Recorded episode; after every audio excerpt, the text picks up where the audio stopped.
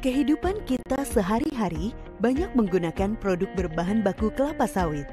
Mulai dari pagi sampai malam hari saat kita bersiap mau tidur, produk kebersihan, kosmetik, minyak goreng atau bahan makanan lainnya yang berasal atau mengandung bahan dari minyak sawit mentah mengisi tiap bagian hidup kita.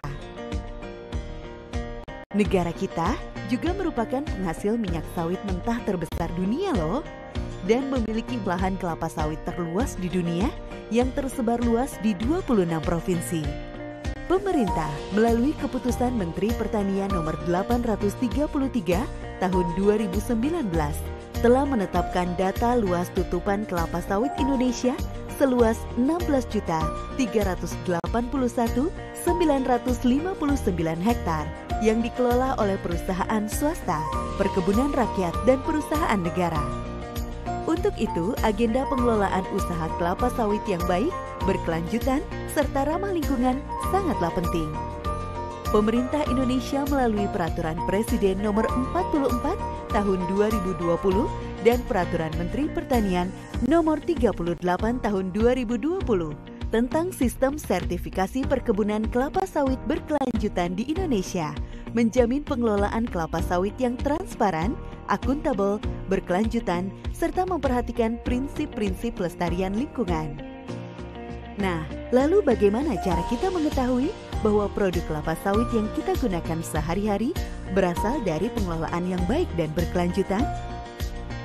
Jawabannya, ISPO atau Indonesian Sustainable Palm Oil adalah sistem usaha perkebunan kelapa sawit yang layak ekonomi, layak sosial budaya, dan ramah lingkungan berdasarkan ketentuan peraturan perundang-undangan yang berlaku. ISPO lahir sebagai wujud komitmen Indonesia, termasuk perwujudan komitmen Presiden Indonesia dalam mengurangi emisi gas rumah kaca sekaligus respon terhadap kebutuhan pangsa pasar baik domestik maupun internasional dan daya saing minyak sawit Indonesia di pasar dunia. ISPO juga menjawab harapan dari berbagai negara dan forum-forum internasional kepada Indonesia untuk mengelola sawit dari hulu ke hilir secara ramah lingkungan.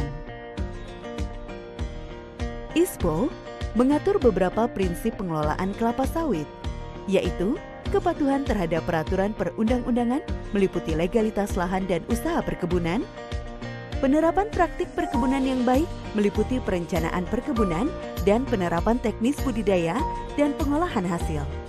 Pengelolaan lingkungan hidup meliputi pelaksanaan izin lingkungan, pengelolaan dan pemanfaatan limbah, pengelolaan bahan B3, pengendalian kebakaran dan bencana, penurunan emisi gas rumah kaca, serta perlindungan terhadap hutan alam, kawasan lindung dan areal bernilai konservasi tinggi. Tanggung jawab ketenaga kerjaan meliputi keselamatan dan kesehatan kerja, peningkatan kesejahteraan dan kemampuan pekerja.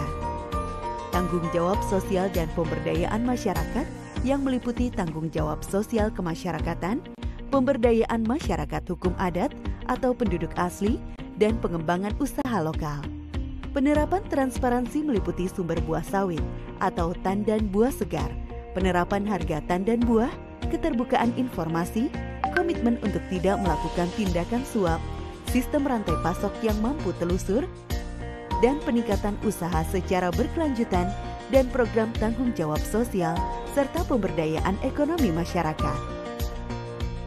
Sebagai standar nasional yang wajib diikuti semua pelaku industri sawit, ISPO dapat menjamin masyarakat selaku konsumen bisa dengan aman menggunakan produk-produk kelapa sawit tanpa khawatir akan dampak lingkungan atau sosial. Saat ini sebagian besar perkebunan swasta serta sebagian besar perkebunan dan perusahaan negara sudah memiliki sertifikat ISPO.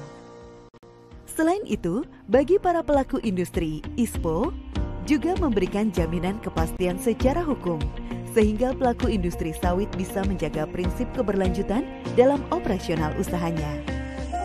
Keberadaan ISPO merupakan angin segar bagi industri sawit Indonesia karena menumbuhkan kepercayaan antara konsumen dan produsen. juga meningkatkan penerimaan dan daya saing produk sawit Indonesia di pasar internasional.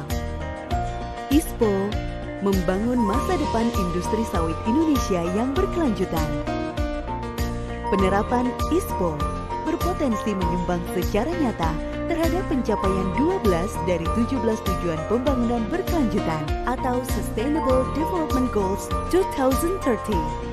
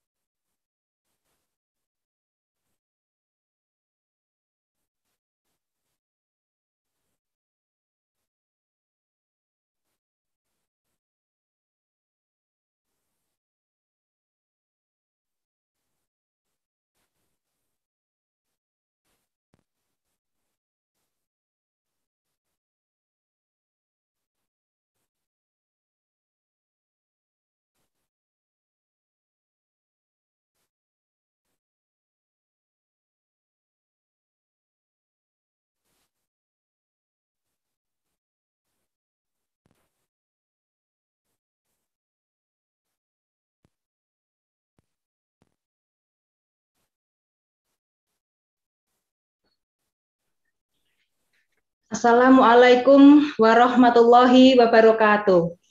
Selamat pagi, salam sejahtera bagi kita semua. Marilah kita panjatkan puji syukur kehadirat Allah Subhanahu wa taala, Tuhan yang Maha Esa, atas karunia-Nya kita dapat menghadiri webinar ini dalam keadaan sehat walafiat. Kami ucapkan selamat datang kepada Bapak Ibu para peserta webinar yang diselenggarakan pada hari Kamis 23 Juni tahun 2022 pukul 8.45 sampai dengan 12 waktu Indonesia Barat dari Sinar Tani Newsroom Jakarta. Sebelum webinar kita mulai, marilah kita berdoa sesuai dengan agama dan kepercayaan masing-masing. Berdoa dipersilahkan.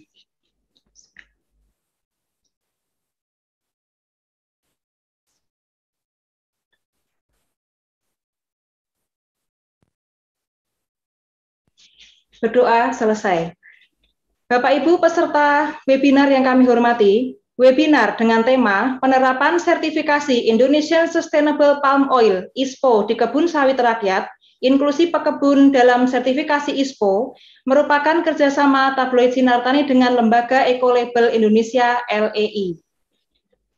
Tabloid Sinar Tani adalah media yang menyajikan informasi pertanian secara komprehensif, terbit sejak Agustus 1970 dan menjadi referensi bagi penyuluh pertanian seluruh Indonesia, petani, praktisi agribisnis, mahasiswa, akademisi, dan masyarakat umum.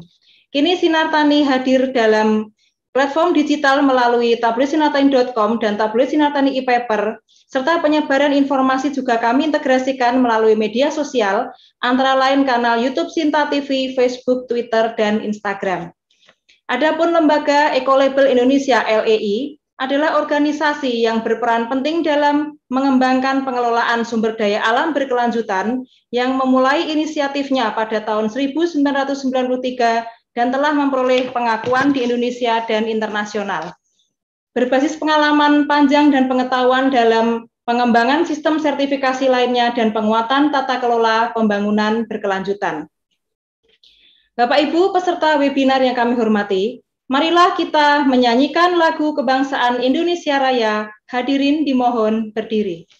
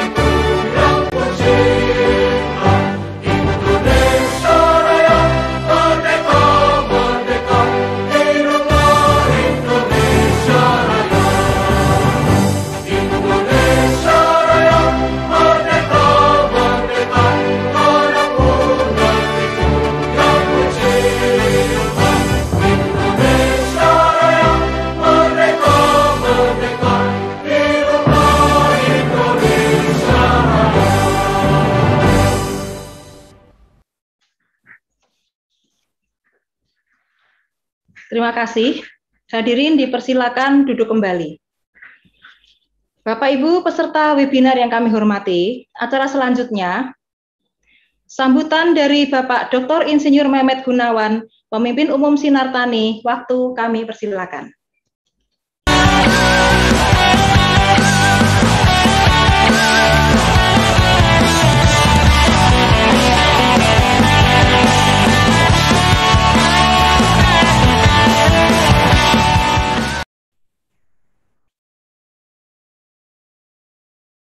Bismillahirrahmanirrahim.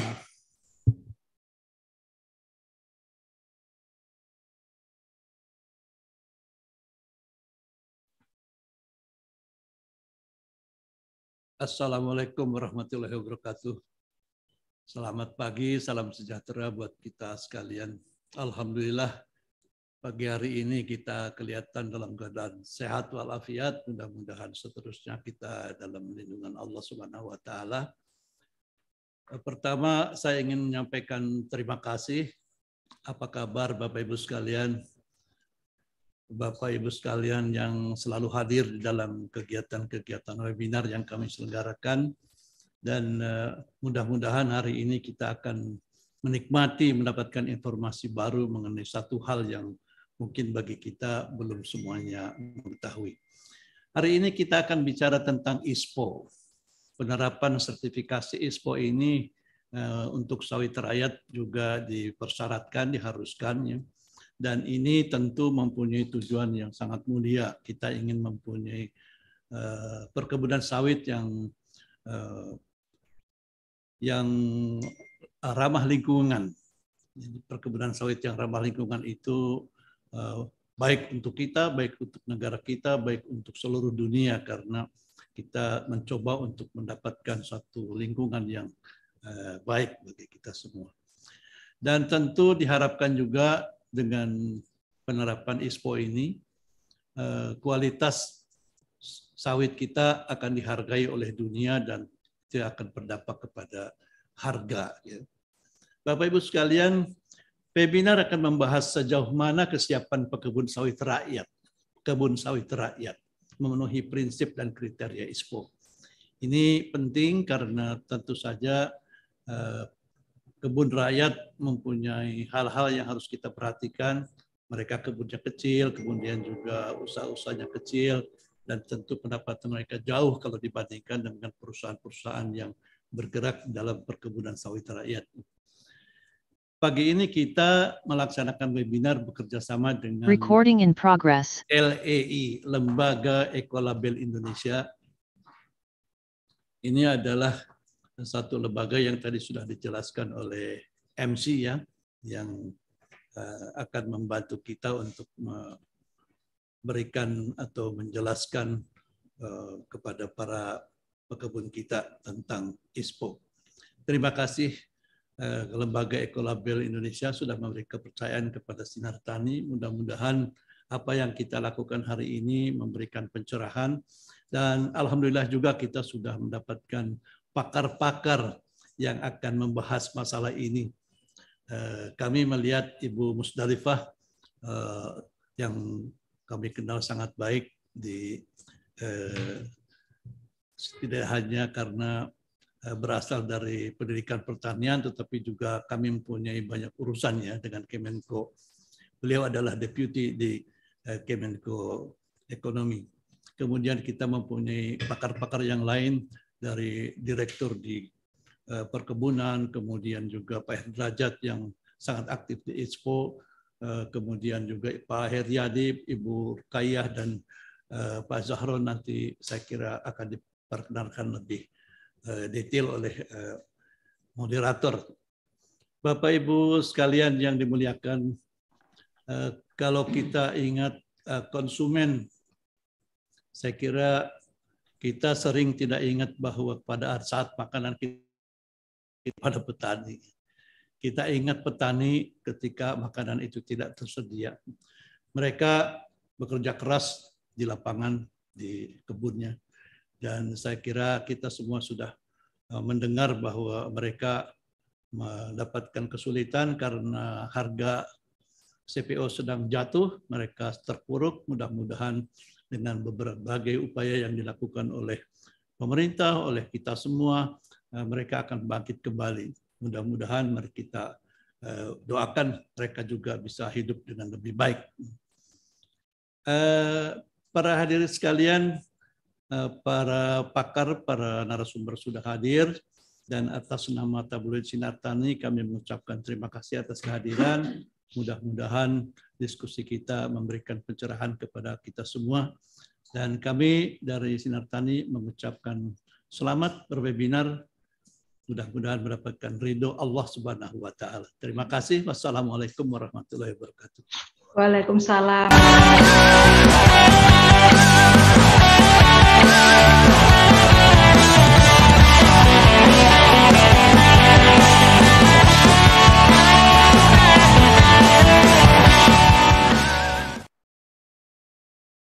Baik, uh, terima kasih atas sambutan dari Bapak Dr. Insinyur Mehmet Gunawan. Bapak Ibu peserta webinar yang kami hormati, untuk sesi keynote speech uh, yang sedianya akan disampaikan oleh Ibu Dr. Insinyur Musdalifah Mahmud MT. Mohon maaf sementara kami tunda sampai mendapatkan konfirmasi lebih lanjut dari beliau. Oh, sudah hadir? Oh ya, baik. Alhamdulillah sudah hadir.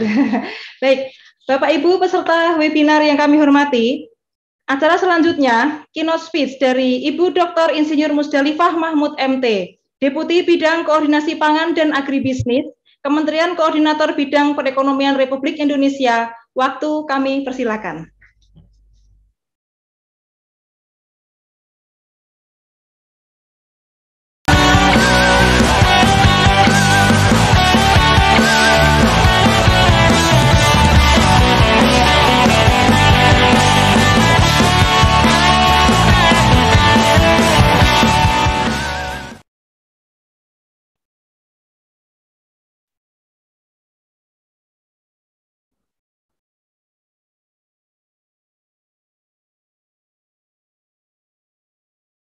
Silakan Ibu.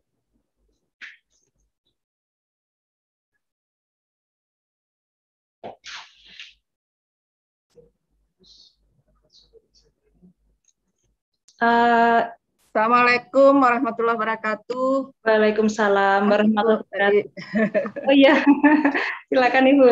Ya, uh, yang terhormat uh, Bapak-bapak, Ibu-ibu narasumber, Pak Dedi, Hidayat, Pak Dedi Junaidi, Pak Hedrajat, Pak Heriadi, Pak uh, Zahron, Kepala Balai Penelit Pelatihan Pertanian Jambi, Ibu Rukaya, Kepala Sekolah Petani for Tasbi, uh, Bapak Ibu partisipan yang berbahagia. Sengaja Pak Pak Dedi, Pak Hedrajat, Pak Heriadi ini karena kita tiap hari ngomongin ISPO sejak lima tahun yang lalu sehingga rasanya uh, sudah sudah menjadi tugas kami bersama-sama nih untuk selalu um, menyampaikan apa yang bisa kita lakukan yang terbaik terhadap ISPO kita. Pertama-tama, marilah kita panjatkan puji syukur kehadirat Allah Subhanahu wa taala, Tuhan yang Maha Esa, karena berkat uh, karunia-Nya maka kita uh, uh, kita bisa ketemu pada virtual uh, meeting kita pada pagi hari ini. Bapak Ibu yang saya uh, muliakan, webinar yang diselenggarakan oleh Sinar Tani pada hari ini adalah salah satu adalah suatu uh, hal yang sangat baik sekali mengingat memang gerak ISPO kita perlu kita percepat lebih cepat lagi di masa-masa yang akan datang. Setelah masa pandemi, insya Allah akan berakhir tahun 2022-2023 kita akan memasuki upaya-upaya percepat percepatan pengembangan ekonomi seluruh uh, uh, aspek seluruh sektor harapan kita juga new ISPO atau ISPO yang baru ini bisa segera diimplementasikan secara menyeluruh dan yang lebih baik daripada di masa-masa yang sebelumnya. Uh, Bapak Ibu yang uh, kami uh, hormati, kita memang sangat tergantung, bukan tergantung, tetapi kelapa sawit menjadi sangat penting sekali untuk negara kita karena telah mengokupasi lahan kita sebesar 60 16,38 juta hektar dan sekitar 6,7 juta hektar adalah tenaga kerja langsung eh, dan tidak langsung. Di antaranya dimiliki dan dikelola petani swadaya yang jumlahnya kurang lebih mencapai 2,6 juta uh, rakyat. Luas tutupan kelapa sawit ini didominasi oleh uh, perkebunan swasta maupun perkebunan rakyat. 53 persen dan 41 persen. Oleh karena itu, perkebunan rakyat di New ISPO ini menjadi salah satu target untuk menerapkan ISPO. Kalau sebelumnya uh, bisnis pelaku usaha besar menjadi uh, target untuk menjalankan ISPO, uh, tetapi di New ISPO ini baik perkebunan, perkebunan besar maupun perkebunan rakyat diwajibkan untuk melaksanakan mengimplementasikan ISPO di kebun-kebunnya. Meskipun prinsip dan kriteria indikatornya tidak seluruhnya harus diterapkan di kebun-kebun rakyat. Bapak Ibu yang saya mulaikan sebagaimana uh, potensi dari dan kontribusi sawit yang demikian besar, tentu saja hal ini sangat penting untuk kita jaga eksistensi perkebunan-perkebunan kelapa sawit kita yang ada di negara kita. Sumber daya eh, alam yang demikian sesuai, yang demikian cocok dengan eh, eh tumbuh kembangnya kelapa sawit, menjadikan negara kita sebagai produsen nomor satu di dunia. Karakter eh, budidaya, karakter pengelolaan kita pandang sangat banyak bisa eh, menjadi potensi untuk bisa berkembang lebih baik lagi di masa depan. Oleh karena itu, mengikuti tren global sejak tahun 1980 eh, sampai dengan saat ini, menuju tren global, menuju untuk eh, keseimbangan alam baik manusia, sosial, lingkungan dan ekosistem keseluruhan menjadikan ISPO sebagai tumpuan kita untuk mendorong, mendukung agar bisnis kelapa sawit kita masa kini sampai dengan masa depan akan terus terjaga. Bapak Ibu yang uh, kami muliakan, tantangan kita tentu saja cukup besar. Menjadi nomor satu itu tidak tidaklah mudah, tapi menjaganya yang menjadi sangat berat. Karena di, di pihak lain kita terus diterpa berbagai cobaan-cobaan. Cobaan antara lain tentu saja banyaknya black campaign dari aspek kesehatan, aspek dia, uh, diversifikasi uh, alam ataupun budidaya, aspek keragaman hayati, sampai aspek-aspek sosial, labor, child labor juga menjadi hal-hal yang selalu ditujukan kepada perkebunan-perkebunan kelapa sawit di seluruh dunia. Oleh karena itu, sertifikasi ISPO perlu segera untuk kita implementasikan dengan cepat karena mengingat beberapa koreksi-koreksi terhadap ISPO kita sebelumnya yang sebelumnya didrive oleh pemerintah yang sekarang kita uh, sertifikasi di drive oleh uh, institusi yang independen. Oleh karena itu uh, tentu saja kita uh, pemerintah maupun seluruh masyarakat diharapkan kita bekerja sama uh, untuk mendorong, mendukung terwujudnya, terimplementasinya uh, Indonesia Sustainable Palm Oil yang kredibel, baik untuk kita sendiri, untuk di dalam negeri, untuk uh, keberlanjutan kelapa sawit Indonesia sendiri, maupun untuk menunjukkan kepada pasar global upaya-upaya sustainability yang terus dijalankan, yang terus dikembangkan di negara kita. Uh, Bapak Ibu tentu saja menjalankan ISPO ini tidak bisa sendiri. Kita sudah baru kita membentuk berbagai infrastruktur, melanjutkan infrastruktur ISPO yang sebelumnya, yang sebelumnya ada sekretaris komite, mungkin yang sekarang uh, dulu komisi ISPO ya Pak Hedrajat ya. Kalau sekarang Komite ISPO yang anggotanya terdiri berbagai pihak, baik uh, independen, monitoring, uh, asosiasi, uh, asosiasi lem, uh, LSM, Lembaga Swadaya Masyarakat, yang sudah ditunjuk di dalam uh, KAP Menko, serta uh, para para pihak yang lainnya, pakar ataupun pemerhati yang menjadi tim dalam Komite ISPO. Bapak Ibu yang saya muliakan, eh, ISPO yang sekarang biasanya diterbitkan oleh pemerintah, ISPO yang sekarang akan diterbitkan oleh lembaga independen eh, dari KAN, Komite Akreditasi Nasional, yang eh, yang akan menerbitkan dan akan mengikuti seluruh perkembangan auditor ataupun auditi terhadap Indonesia Sustainable Palm Oil di negara kita.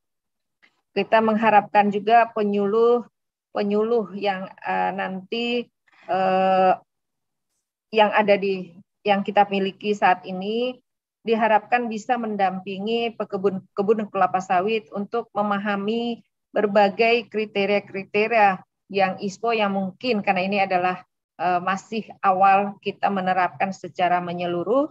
Tadi harapannya kita perlu didukung semua pihak penyuluh pertanian, Eh, para pemerhati eh, ke perguruan tinggi, eh, kemudian pakar NGO ataupun NGO lingkungan yang memang yang banyak mendukung meningkatkan kapasitas petani diharapkan bisa bersama-sama meningkatkan kapasitas petani kita agar bisa menerapkan good agriculture practices yang praktisi yang utama untuk me melaksanakan mengimplementasikan Indonesia Sustainable Palm Oil. Uh, di sini juga kita uh, harapkan bahwa untuk pendampingan, monitoring dan evaluasi dalam melakukan GAP, tempat konsultasi, edukasi dan diseminasi informasi terkait dengan fasilitas dan manfaat dari sertifikasi ISPO terhadap keberdayaan petani dalam jangka panjang akan kita siapkan di dalam komite yang uh, sudah dibentuk. Diharapkan sertifikasi ISPO ini bisa meningkatkan keberterimaan ataupun keter, uh, meningkatkan keyakinan kita, ke, keyakinan pasar global untuk mengkonsumsi kelapa sawit dari Indonesia uh, secara uh, uh, dan tidak lagi memberi, uh, melakukan diskriminatif terhadap produk-produk kelapa sawit. Uh, kita juga mendukung agar supaya sektor kelapa sawit ini mampu meningkatkan pengembangan sektor pertanian baik untuk uh, pendidikan sumber daya dan peningkatan sumber daya manusia serta terciptanya banyak lagi lapangan-lapangan kerja agar dapat agar kita dapat menumbuhkan pusat-pusat ekonomi baru di pedesaan hingga mencukupi kebutuhan seluruh penghidupan rakyat di uh, di di wilayah-wilayah remote kita di Indonesia. Hadirin yang saya hormati, Kemenko Perekonomian senantiasa mendukung, mendorong agar upaya-upaya dari seluruh pihak agar pelaksanaan sertifikasi ISPO ini mampu dijalankan, diimplementasikan di seluruh perkebunan sawit kita, bukan hanya besar, tetapi sampai ke wilayah-wilayah remote tempat tumbuh perkebunan perkebunan uh, kelapa sawit rakyat agar kesejahteraan peningkatan ekonomi di seluruh wilayah kita bisa uh, tumbuh dengan signifikan. Oleh karena itu, uh, Sinar Tani saya sampaikan terima kasih dan apresiasi yang setinggi-tingginya tabloid Sinar Tani menyelenggarakan webinar pagi hari ini karena Indonesia ISPO adalah alat kita untuk ataupun jembatan kita untuk melakukan komunikasi-komunikasi, implementasi dan praktek-praktek yang sudah kita jalankan di uh, perkebunan kelapa sawit kita yang uh, sudah yang terus-menerus dikembangkan secara sustainable. Uh, wabillahi taufiq wa hidayah. Wassalamualaikum warahmatullahi wabarakatuh. Waalaikumsalam warahmatullahi wabarakatuh.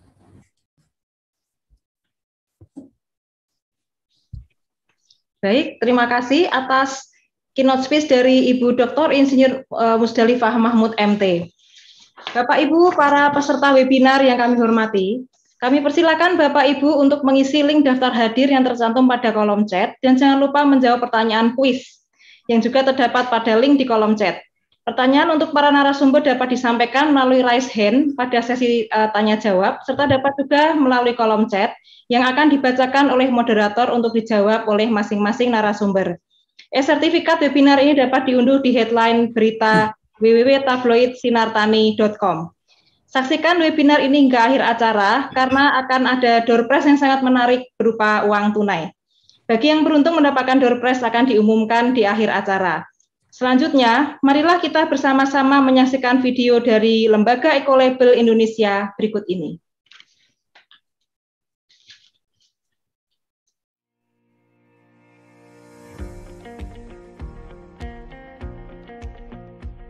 Kehidupan kita sehari-hari banyak menggunakan produk berbahan baku kelapa sawit mulai dari pagi sampai malam hari saat kita bersiap mau tidur, produk kebersihan, kosmetik, minyak goreng atau bahan makanan lainnya yang berasal atau mengandung bahan dari minyak sawit mentah mengisi tiap bagian hidup kita.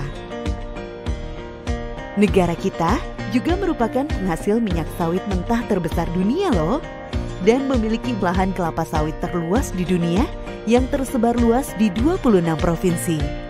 Pemerintah melalui keputusan Menteri Pertanian nomor 833 tahun 2019 telah menetapkan data luas tutupan kelapa sawit Indonesia seluas 16.381.999 959 hektar yang dikelola oleh perusahaan swasta, perkebunan rakyat, dan perusahaan negara. Untuk itu, agenda pengelolaan usaha kelapa sawit yang baik, berkelanjutan, serta ramah lingkungan sangatlah penting. Pemerintah Indonesia melalui Peraturan Presiden Nomor 44 Tahun 2020 dan Peraturan Menteri Pertanian Nomor 38 Tahun 2020 tentang sistem sertifikasi perkebunan kelapa sawit berkelanjutan di Indonesia, menjamin pengelolaan kelapa sawit yang transparan, akuntabel, berkelanjutan, serta memperhatikan prinsip-prinsip pelestarian lingkungan. Nah, lalu bagaimana cara kita mengetahui bahwa produk kelapa sawit yang kita gunakan sehari-hari berasal dari pengelolaan yang baik dan berkelanjutan? Jawabannya, ISPO atau Indonesian Sustainable Palm Oil adalah sistem usaha perkebunan kelapa sawit yang layak ekonomi, layak sosial budaya, dan ramah lingkungan berdasarkan ketentuan peraturan perundang-undangan yang berlaku. ISPO lahir sebagai wujud komitmen Indonesia, termasuk perwujudan komitmen Presiden Indonesia dalam mengurangi emisi gas rumah kaca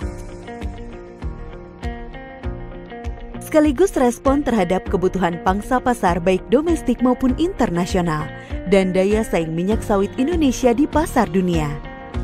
ISPO juga menjawab harapan dari berbagai negara dan forum-forum internasional kepada Indonesia untuk mengelola sawit dari hulu ke hilir secara ramah lingkungan. ISPO mengatur beberapa prinsip pengelolaan kelapa sawit, yaitu kepatuhan terhadap peraturan perundang-undangan meliputi legalitas lahan dan usaha perkebunan, penerapan praktik perkebunan yang baik meliputi perencanaan perkebunan dan penerapan teknis budidaya dan pengolahan hasil. Pengelolaan lingkungan hidup meliputi pelaksanaan izin lingkungan, pengelolaan dan pemanfaatan limbah, pengelolaan bahan B3, pengendalian kebakaran dan bencana, penurunan emisi gas rumah kaca, perlindungan terhadap hutan alam, kawasan lindung dan areal bernilai konservasi tinggi. Tanggung jawab ketenaga kerjaan meliputi keselamatan dan kesehatan kerja, peningkatan kesejahteraan dan kemampuan pekerja. Tanggung jawab sosial dan pemberdayaan masyarakat yang meliputi tanggung jawab sosial kemasyarakatan, pemberdayaan masyarakat hukum adat atau penduduk asli, dan pengembangan usaha lokal.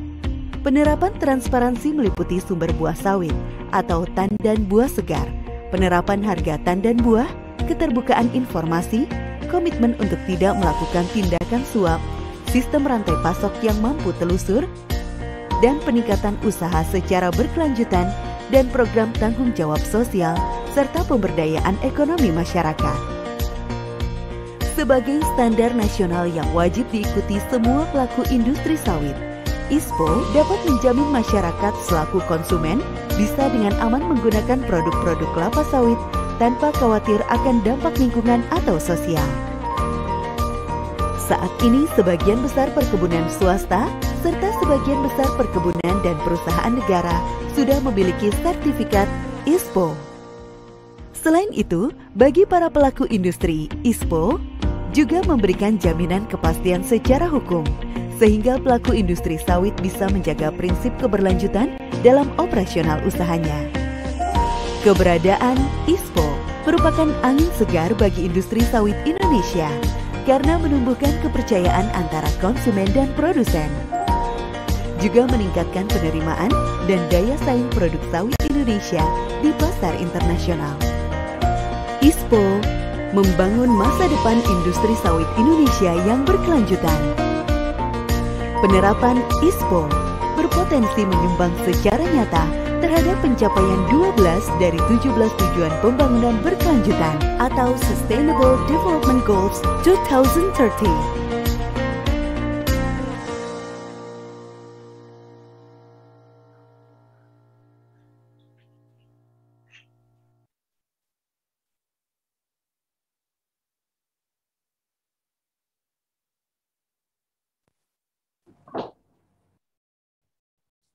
Baik, Uh, Bapak Ibu peserta webinar yang kami hormati, telah kita saksikan bersama video dari Lembaga Ecolabel Indonesia. Selanjutnya, webinar ini akan dipandu oleh moderator Bapak Insinyur Mulyono Mahmur MS, pemimpin perusahaan Sinar Tani. Waktu kami persilakan.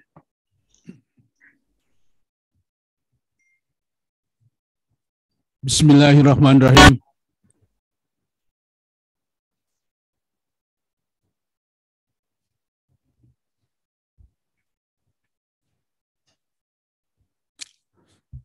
Bismillahirrahmanirrahim. Assalamualaikum warahmatullahi wabarakatuh. Waalaikumsalam warahmatullahi wabarakatuh. Selamat pagi dan salam sejahtera untuk kita semua. Bapak, Bapak Ibu yang kami hormati, terima kasih kepada Ibu Dr. Musdalifah yang tadi telah memberikan keynote speech. Uh, tema pertemuan kita hari ini, webinar kita ini adalah penerapan sertifikasi ISPO di kebun sawit rakyat. Nah, kita pada saat ini sedang mengalami terutama petani rakyat, petani petani sawit rakyat ini kita berempati mereka sedang dalam kondisi uh, prihatin adanya badai turunnya hmm, harga eh, TBS, harga CPO. Jadi kita ikut juga prihatin mudah-mudahan badai ini tidak terlalu lama menimpa mereka sehingga mereka kembali lagi dalam keadaan normal dan nah, tentunya uh, hidup uh, layak sebagai uh, petani, layak dan sejahtera sebagai petani sawit. Ibu sekalian, nah pada kesempatan ini uh, kita akan menampilkan paling tidak ada empat narasumber yaitu Pak Dedi Junaidi MSc, beliau adalah Direktur Pengolahan dan Pemasaran Hasil Perkebunan, Direktorat Jenderal Perkebunan Kementerian Pertanian. Beliau kebetulan dulu sama-sama dengan kami di P2HP. Mudah-mudahan sudah hadir di tengah-tengah kita. Yang kedua, narasumber kedua itu Dr. Insinyur Herdrajat Natawijaya. Beliau adalah koordinator tim sekretariat Komite ISPO sebelumnya juga pernah menjabat sebagai Direktur Penghimpun Dana BPD PKS dan pernah berkarir sebagai salah seorang direktur di Direktorat Jenderal Perkebunan. Materi yang akan disampaikan yaitu peran Sekretariat ISPO dalam menyelenggarakan sertifikasi ISPO. Pembicara ketiga atau narasumber ketiga Bapak Insinyur Heriadi Beliau menjabat sebagai Direktur Eksekutif di Lembaga Ecolabel Indonesia, salah satu lembaga yang berperan dalam mengembangkan sumber daya alam yang berkelanjutan dan pengembangan sertifikasi. Materi yang akan disampaikan, beliau akan menyampaikan pengalaman pendampingan sertifikasi uh, uh, pekebun. Narasumber keempat, Ibu Ruki Rukayah Rafiq, Beliau menjabat sebagai kepala sekolah petani sebagai bagian dari Forum Petani Kelapa Sawit yang berkelanjutan di Indonesia, Por Tasbi, sekarang ini aktif mendampingi petani sawit di lapangan. Pembicara ketiga, Dr. Insinyur Jahron Helmi, MP. Sekarang beliau menjabat sebagai Kepala Balai Pelatihan Pertanian Provinsi Jambi yang juga dulu sama-sama di pusat penyuluhan, beliau adalah penyuluh senior di Badan Penyuluhan dan Pengembangan SDM Pertanian. Materi yang akan disampaikan Pak Jahron ini peran penyuluh dalam pendampingan penyiapan sertifikasi ISPO perkebunan. Jadi ada, mohon maaf, ada lima pembicara yang akan kita tampilkan pada kesempatan yang baik ini. Uh, Bapak sekalian, saya kira untuk mempersingkat waktu, saya mohon informasi Pak Dedi sudah hadir di tengah-tengah kita. Karena Pak Dedi Junaidi masih uh, belum masuk nampaknya masih ada acara. Kita lanjut aja ke narasumber kedua yaitu Pak Dr. Insinyur Herdrajat Natawijaya. Kang Her, mangga silahkan. Baik, terima kasih Pak Moderator, Bapak Ibu sekalian. Assalamualaikum warahmatullahi wabarakatuh. Mohon izin saya menyampaikan paparan.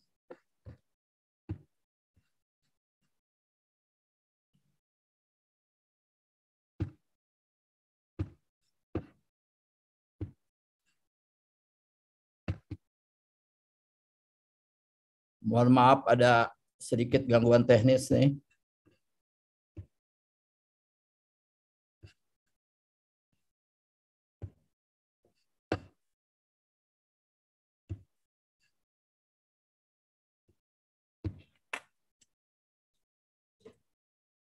Kok nggak keluar ya? Ya, baik. Bapak Ibu sekalian, sesuai permintaan dari panitia, saya diminta untuk menyampaikan peran Sekretariat Komite ISPO dalam penyelenggaraan sertifikasi ISPO. Tentu seperti tadi yang disampaikan oleh Ibu Deputi bahwa peran daripada Sekretariat Komite ISPO yang dulu adalah eh, Komisi Sekretariat Komisi ISPO mungkin agak berbeda ya karena tentu ini era yang baru di mana uh, lebih ada keterbukaan. Kita sama-sama menyelenggarakan uh, sertifikasi ISPO ini baik pemerintah maupun non pemerintah dan tentu dalam uh, dukungan dari pihak-pihak uh, lain yang memang mem, mem, me, apa, me, punya atensi begitu. Bagaimana pembangunan kelapa sawit berkelanjutan Indonesia itu bisa diwujudkan khususnya di tingkat pekebun dan tentu tantangannya sangat banyak. Ini saya kira dasar daripada legalitas sesuai ketentuan yang dikeluarkan oleh pemerintah terkait dengan perkebunan sawit eh, perkebunan kelapa sawit berkelanjutan Indonesia dari mulai Undang-Undang 39 eh, tahun 2014 tentang perkebunan, kemudian juga tentang undang-undang dan PP-nya terkait standarisasi dan penilaian kesesuaian, kesesuaian, kemudian Perpres tentang sertifikasi perkebunan kelapa sawit berkelanjutan Indonesia. Ini merupakan uh, arahan di dalam bagaimana uh, ISPO menjadi diperkuat dan didukung oleh para pihak. Kemudian juga ada Permenko Perekonomian nomor 10 tentang organisasi dan tata kerja Dewan Pengarah eh, Perkebunan Kelapa Sawit Berkelanjutan. Kemudian ada Kepmeko Perekonomian nomor 257 selaku Dewan selaku Ketua Dewan Pengarah dengan membentuk Komite Perkebunan Kelapa Sawit Berkelanjutan. Kemudian secara teknis bagaimana regulasi atau standar tentang ISPO ini eh, seperti yang di eh, ditetapkan oleh Peraturan Menteri Pertanian Nomor 38 Tahun 2020 tentang penyelenggaraan sertifikasi perkebunan kelapa sawit berkeindonesiaan. Kemudian di Cap Dirjen eh, 256 2021 bagaimana memberikan eh, legalitas atau kewenangan kepada Sekretariat Komite Perkebunan Kelapa Sawit Berkelanjutan Indonesia. Bapak Ibu sekalian, saya kira ini yang paling penting tujuan dari sertifikasi ISPO sesuai Perpres ada tiga, memastikan dan meningkatkan pengelolaan serta pengembangan perkebunan kelapa sawit sawit sesuai prinsip dan kriteria ISPO, meningkatkan keberterimaan dan daya hasil perkebunan kelapa sawit Indonesia di pasar nasional dan internasional, dan meningkatkan upaya percepatan penurunan emisi gas rumah kaca. Tentu ini tujuan ini bagaimana uh, bisa diwujudkan perlu effort dan uh, kerjasama dari para pihak semuanya. Nah, seperti tadi disebutkan di muka eh, adanya eh, peraturan Menteri eh, Koordinator Perekonomian nomor 10 tahun 2020 tentang organisasi dan tata kerja Dewan Pengarah Dewan Pengarah ini tugasnya antara lain adalah menetapkan kebijakan umum dalam sistem mekanisme perkebunan kelapa sawit berkelanjutan Indonesia. Di sini ada enam mekanisme penyelesaian status dan legal lahan hasil penyelesaian status perkebunan kelapa sawit dalam kawasan hutan.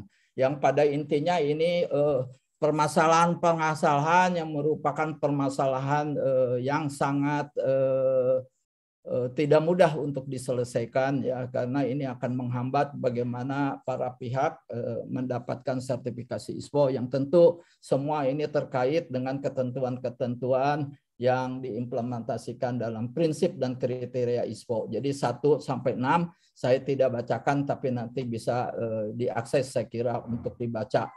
Dan kemudian tugas yang 1 sampai 6 itu akan dilakukan pengawasan dan evaluasi kebijakan bagaimana uh, itu bisa dilaksanakan kemudian tugas dari Dewan Pengarah sendiri adalah menetapkan susun keanggotaan organisasi dan tata kerja Komite ISPO. Eh, kemudian, kemudian komposisi daripada keanggotaan eh, Dewan Pengarah siapa saja? Yang pertama ketuanya Bapak Menko Perekonomian, kemudian ketua harian adalah Bapak Menteri Pertanian, anggotanya para menteri antara lain Menteri Lingkungan Hidup dan Kehutanan, Menteri uh, eh, ATR BPN, kemudian Menteri Dalam Negeri, Menteri Perindustrian, Menteri Dalam Negeri, dan Kepala BSN. Kemudian Komite ISPO sesuai uh, keputusan Menko Perekonomian nomor 2 nomor 257 tahun 2020 selaku ketua pengarah membentuk Komite ISPO yang tugasnya ada antara lain di sini ada uh, tujuh.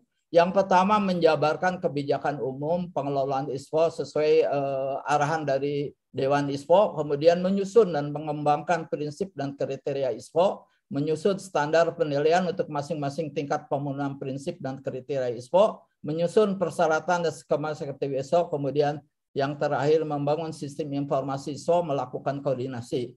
Keanggotaan dari Komite ISPO ini ada 12 orang, ketuanya adalah Menteri Pertanian, kemudian wakil dari ketua ISPO ini adalah Ibu Deputi eh, Bu Musdalifah dari Kemenko Perekonomian, sekretarisnya adalah Dirjen Perkebunan, kemudian para anggotanya adalah para dirjen terkait ya terkait baik dari KLHK maupun dari eh, BPN Dirjen Hukum Keagrarian Dirjen Industri Ago, Kemenperin, Deputi Akreditasi BSN. Kemudian dari profesional dan asosiasi, di sini ada Ketua GAPI, Ketua Forum Petani Sawit Indonesia, Ketua eh, Label Ekonomi Indonesia, dan Ketua Forum Pengembangan Perkebunan Sawit Berkelanjutan. Kemudian eh, dalam melaksanakan tugasnya Komite ISMO dibantu oleh sekretariat yang diketahui oleh Direktur Jenderal Perkebunan Kementerian Pertanian selaku Sekretaris Komite ISMO. Sekretaris Komite ISMO secara administratif berkedudukan di Kementerian Pertanian. Ketentuan lebih jahit mengenai eh, Sekretariat ISPO ini ditetapkan berdasarkan keputusan Direktur Jenderal Perkebunan.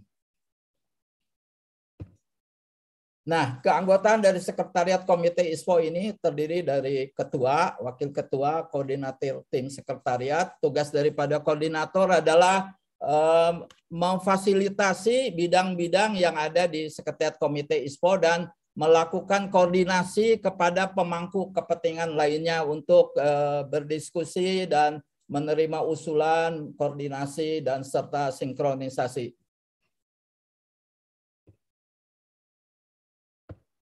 Nah, di, ada apa saja tugas-tugas daripada bidang kesehatan ini? Di sini ada empat bidang, misalnya bidang kebijakan operasional, program koordinasi dan keberterima pasar sertifikasi ISPO, yaitu menyiapkan bahan, materi, sosialisasi dan koordinasi kepada pemangku kepentingan terkait kepentingan pasar sertifikasi ISPO, kemudian memberikan saran dan masukan terkait kritik dan isu negatif terhadap kelapa sawit Indonesia.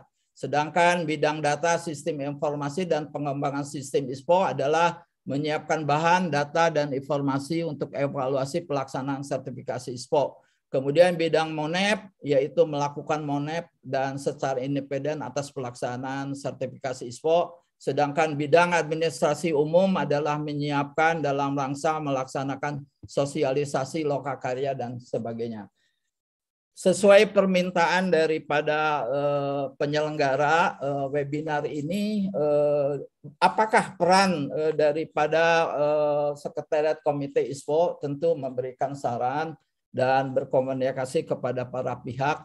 Kita tahu, saya kira saat ini langsung tidak langsung uh, ada kegiatan yang sudah berjalan selama kurang lagi empat tahun lima tahun ini saya kira sebenarnya semua kegiatan-kegiatan yang kalau kita cermati dan perlu kita lakukan analisa, ini sebenarnya nanti endingnya adalah menuju kepada sertifikasi uh, pekebun di dalam mengimplementasikan prinsip dan kereta ISPO sehingga mereka harus bisa dinilai dan harus bisa disertifikasi. Jadi program yang paling spektakuler saya kira diurut dari uh, pertama adalah peremajaan perkebunan kelapa sawit rakyat. Ini sudah saya kira sangat luas, mendekati 200 eh, ribu hektar dan saat ini sudah lebih dari 1.300 kelembagaan pekebun yang terdiri kelompok tani, kemudian koperasi dan gapoktan yang merupakan sasaran bagaimana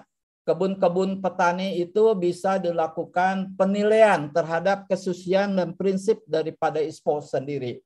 Tentu peremajaan sendiri adalah uh, dilakukan dalam rangka keberlanjutan daripada ke, uh, industri sawit, terutama yang diusahakan oleh pekebun rakyat ini. Di sana saya kira sudah mulai uh, dilakukan upaya-upaya bagaimana menerapkan prinsip-prinsip kriteria ISPO, dimulai dari persyaratan yang menyangkut legalitas, kemudian menyangkut harus uh, bebas dari sengketa, kemudian juga harus ada koordinatif kebun yang dipersalahkan yang berujung kepada uh, lahirnya persyaratan oleh uh, sertifikasi yaitu STTB.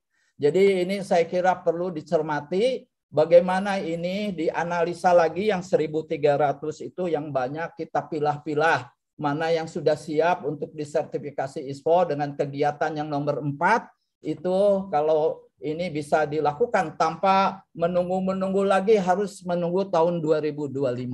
Kemudian penelitian dan pengembangan saya kira juga ini eh, harus bisa mendukung eh, apakah riset secara grand riset ini bisa dilakukan hambatan-hambatan bagaimana misalnya pekebun ini tidak bisa disertifikasi ISPO. Apa kesenjangan-kesenjangan yang perlu diungkap dan di situ sehingga ini bisa mendukung terhadap implementasi ISPO ke depan. Yang ketiga tentu pengembangan SDM ini adalah yang menyangkut penyuluhan, pelatihan, memberdayakan petani itu sendiri, kelompok tani atau kooperasi bagaimana mereka bisa memahami tentang prinsip dan kriteria ISPO. Ini saya rasa sangat penting karena di sana pun dilakukan pendampingan. Bagaimana koperasi itu memiliki uh, suatu bidang uh, internal sistem kontrol yang itu harus mengontrol kepada kebiasaan-kebiasaan petani atau untuk terus melakukan prinsip dan kriteria ISPO. Saya kira sangat menarik kalau ini dilakukan pendampingan, di sana dilakukan eh, setting bagaimana membekali mereka. Yang terakhir saya kira ini pengembangan sarana dan prasarana ini sangat penting karena ini menyediakan fasilitas bagaimana dengan eh, panduan bahwa eh, kelompok tani, gapoktan maupun koperasi itu difasilitasi untuk disertifikasi ISPO tentu dengan persyaratan-persyaratan yang diminta eh, supaya mereka kebunnya bisa dilakukan sertifikasi dengan dana yang difasilitasi oleh Badan Pengelola Dana Perkebunan Kelapa Sawit. Bapak Ibu sekalian, ini kalau kita melihat di sini eh, tahapan sertifikasi ISPO itu sendiri bagaimana? Ini maaf saya nggak bisa memunculkan ini. Nah, ini tahapan kegiatan percepatan sertifikasi ISPO pekebun. Tentu ini harus dikondisikan dan tidak bisa ujuk-ujuk kalau tidak dipersiapkan terlebih dahulu bahwa petani itu bisa disertifikasi ISPO. Saat ini tadi empat kegiatan yang sudah tadi saya sebutkan sudah ada di lapangan. Bagaimana dirangkai supaya bisa menuju ke sini, ke tahapan ini. Yang pertama adalah sosialisasi. Tentu ini petani kalau sudah mendapat pelatihan ISPO, dia sudah paham apa yang harus diperlukan untuk uh, bisa memenuhi syarat dari mulai persyaratan sampai dia bisa disertifikasi ISPO.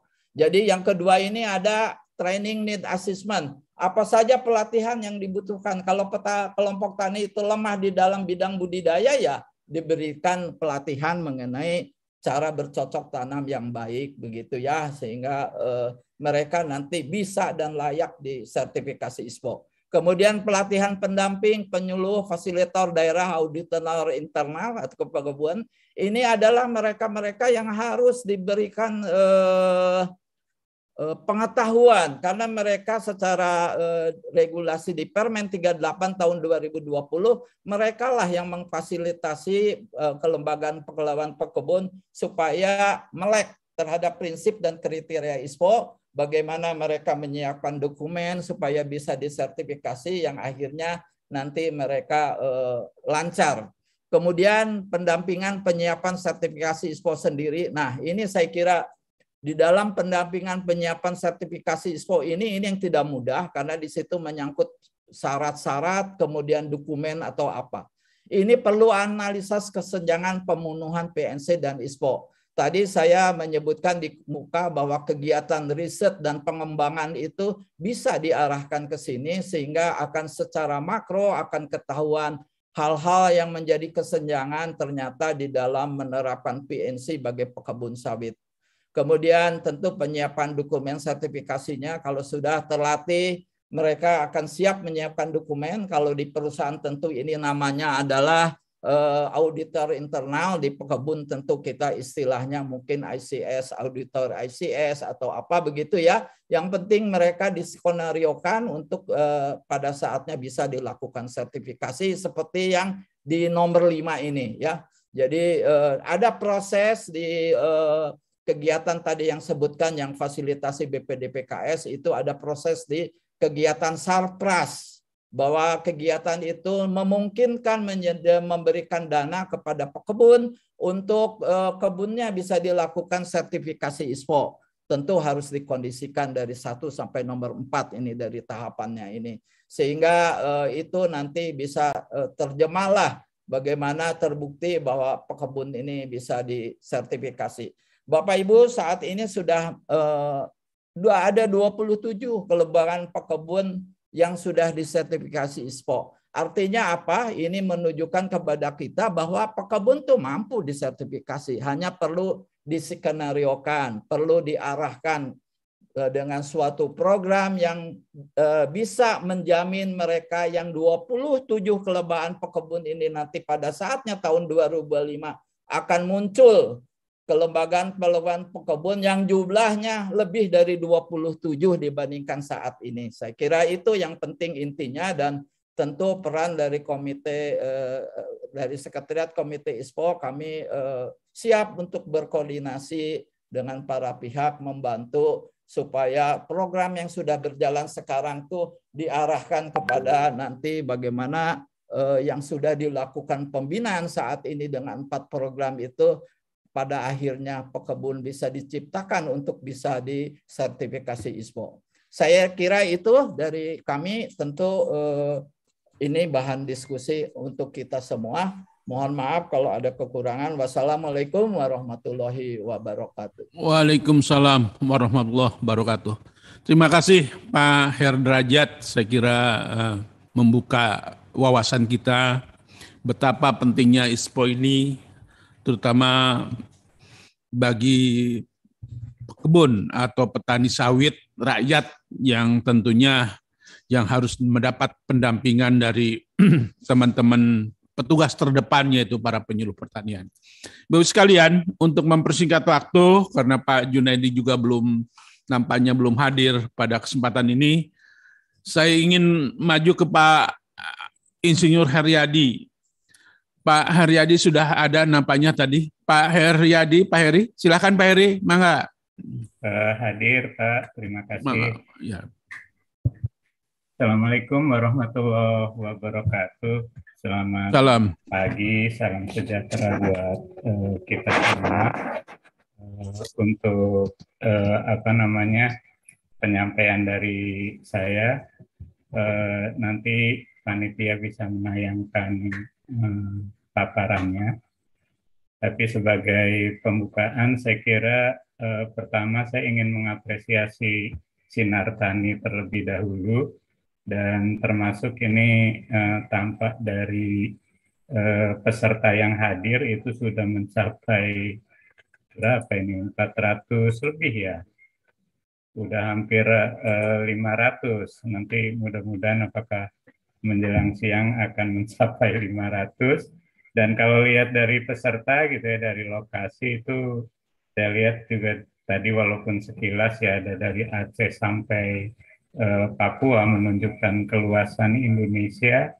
Dan walaupun memang ada beberapa dari Jawa yang saya lihat juga tidak uh, apa sebetulnya di wilayah itu itu tidak terdapat uh, sawit, tapi saya kira bagus juga nantinya buat uh, pengetahuan gitu ya. Nah, Uh, saya ingin pertama nanti uh, barangkali uh, ucapan terima kasih juga sudah uh, Bu uh, Mus sudah hadir tadi menyampaikan juga beberapa poin yang saya kira penting gitu ya bagi pertemuan ini. Lalu kemudian juga dari Pak Dr. Mehmet tadi uh, menyampaikan apa ya lingkup dari diskusi yang uh, saya kira juga bagus buat uh, diskusi atau sharing pengetahuan kita kali ini. Nah, dari saya eh, mungkin bisa eh, dipersilakan menayangkan saja langsung dan saya kira tidak banyak yang ingin saya sampaikan. Saya membuat slide juga hanya eh, dua halaman gitu ya. Yang yang pertama sebetulnya eh, apa bahwa ketentuan yang mewajibkan pekebun itu eh, bersertifikasi ISPO itu memang pada saat diskusi sebagaimana tadi Ibu Mu sampaikan kita berdiskusi tentang ISPO itu sudah lima tahun lebih kalau hitungan saya sendiri eh, semenjak kami eh, ikut serta itu sudah tujuh tahun lebih dan pasti di sini banyak teman-teman yang sudah mulai terlibat lebih awal gitu ya. Lalu kemudian mengambil keputusan bahwa pekebun itu wajib, itu e, berat juga gitu ya. E, tetapi kemudian kita memutuskan, oke, okay, eh, buat pekebun harus wajib ISPO, tetapi bukan dalam rangka ingin membebani, tetapi justru dalam rangka ingin memberdayakan. Itu yang saya kira uh, poin yang uh, penting untuk uh, kita sama-sama diskusikan gitu ya. Jadi saya di sini menulis bahwa maknanya itu bahwa itu adalah sebuah inklusi. Inklusi itu mengikut sertakan pekebun, artinya tidak mengesampingkan dalam sertifikasi ISPO ini dengan pandangan bahwa dia adalah selaku pelaku usaha yang juga sudah membangun kebun sawit, kalau di Sumatera misalnya itu sudah uh, jauh lebih lama gitu ya, dan kemudian baru ke tempat-tempat lain di Indonesia. Dia sehingga menjadi bagian penting dari rantai pasok produk sawit berkelanjutan atau lestari.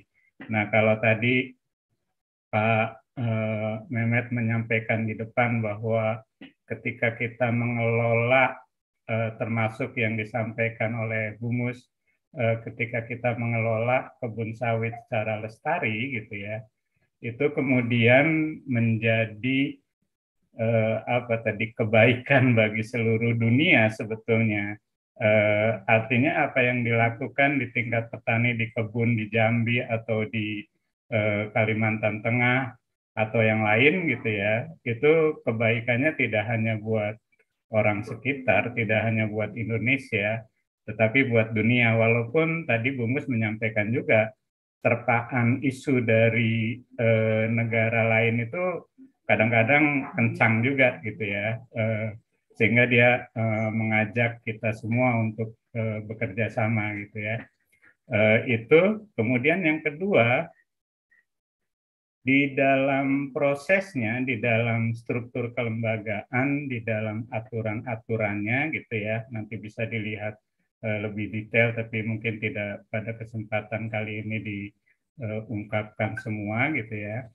Uh, itu agar tidak menjadi beban bagi pekebun, uh, beban tambahan gitu ya, karena pasti pekebun punya Eh, beban-beban yang lumayan banyak juga gitu ya.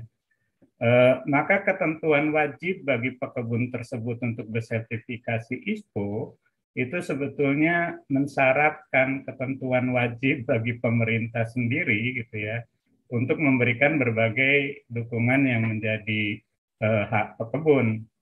Nah, uh, Bu Mus tadi menyampaikan uh, komitmen pemerintah, Pak Herdrajat tadi menyampaikan juga secara lebih detail uh, aturan yang ada dan uh, struktur kelembagaannya gitu ya hingga ke sekretariat itu menunjukkan bahwa uh, pemerintah secara kelembagaan menyiapkan betul pelaksanaan kebijakan untuk penerapan ISPO termasuk bagi pekebun. Dan termasuk juga sudah disinggung tadi perlunya dukungan pendanaan dan secara sekilas juga Pak Jaja tadi menyampaikan dukungan dari BPD PKS itulah yang yang sebetulnya eh, apa namanya eh, pelaksanaan pelaksanaan dari kewajiban pemerintah ketika kemudian eh, dia mewajibkan pekebun untuk bersertifikasi eh, ISPO gitu ya. Nah, eh, secara detail di, di paparan saya itu eh, eh, menyebutkan dua dua saja.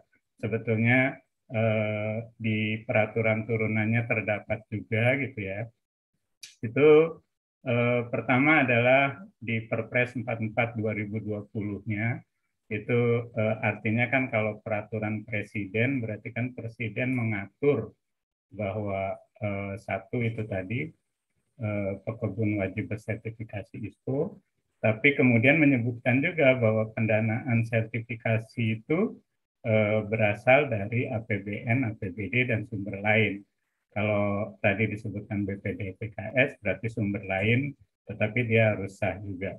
Lalu kemudian di permentannya, di permentan nomor 38 eh, 2020 atas aturan dari Presiden, Menteri juga mengatur eh, pertama adalah pembinaan oleh Menteri, Gubernur, eh, Bupati, Wali Kota eh, yang harus ngapain, harus eh, berbuat apa, Eh, mereka adalah ber, uh, pertama melakukan fasilitasi.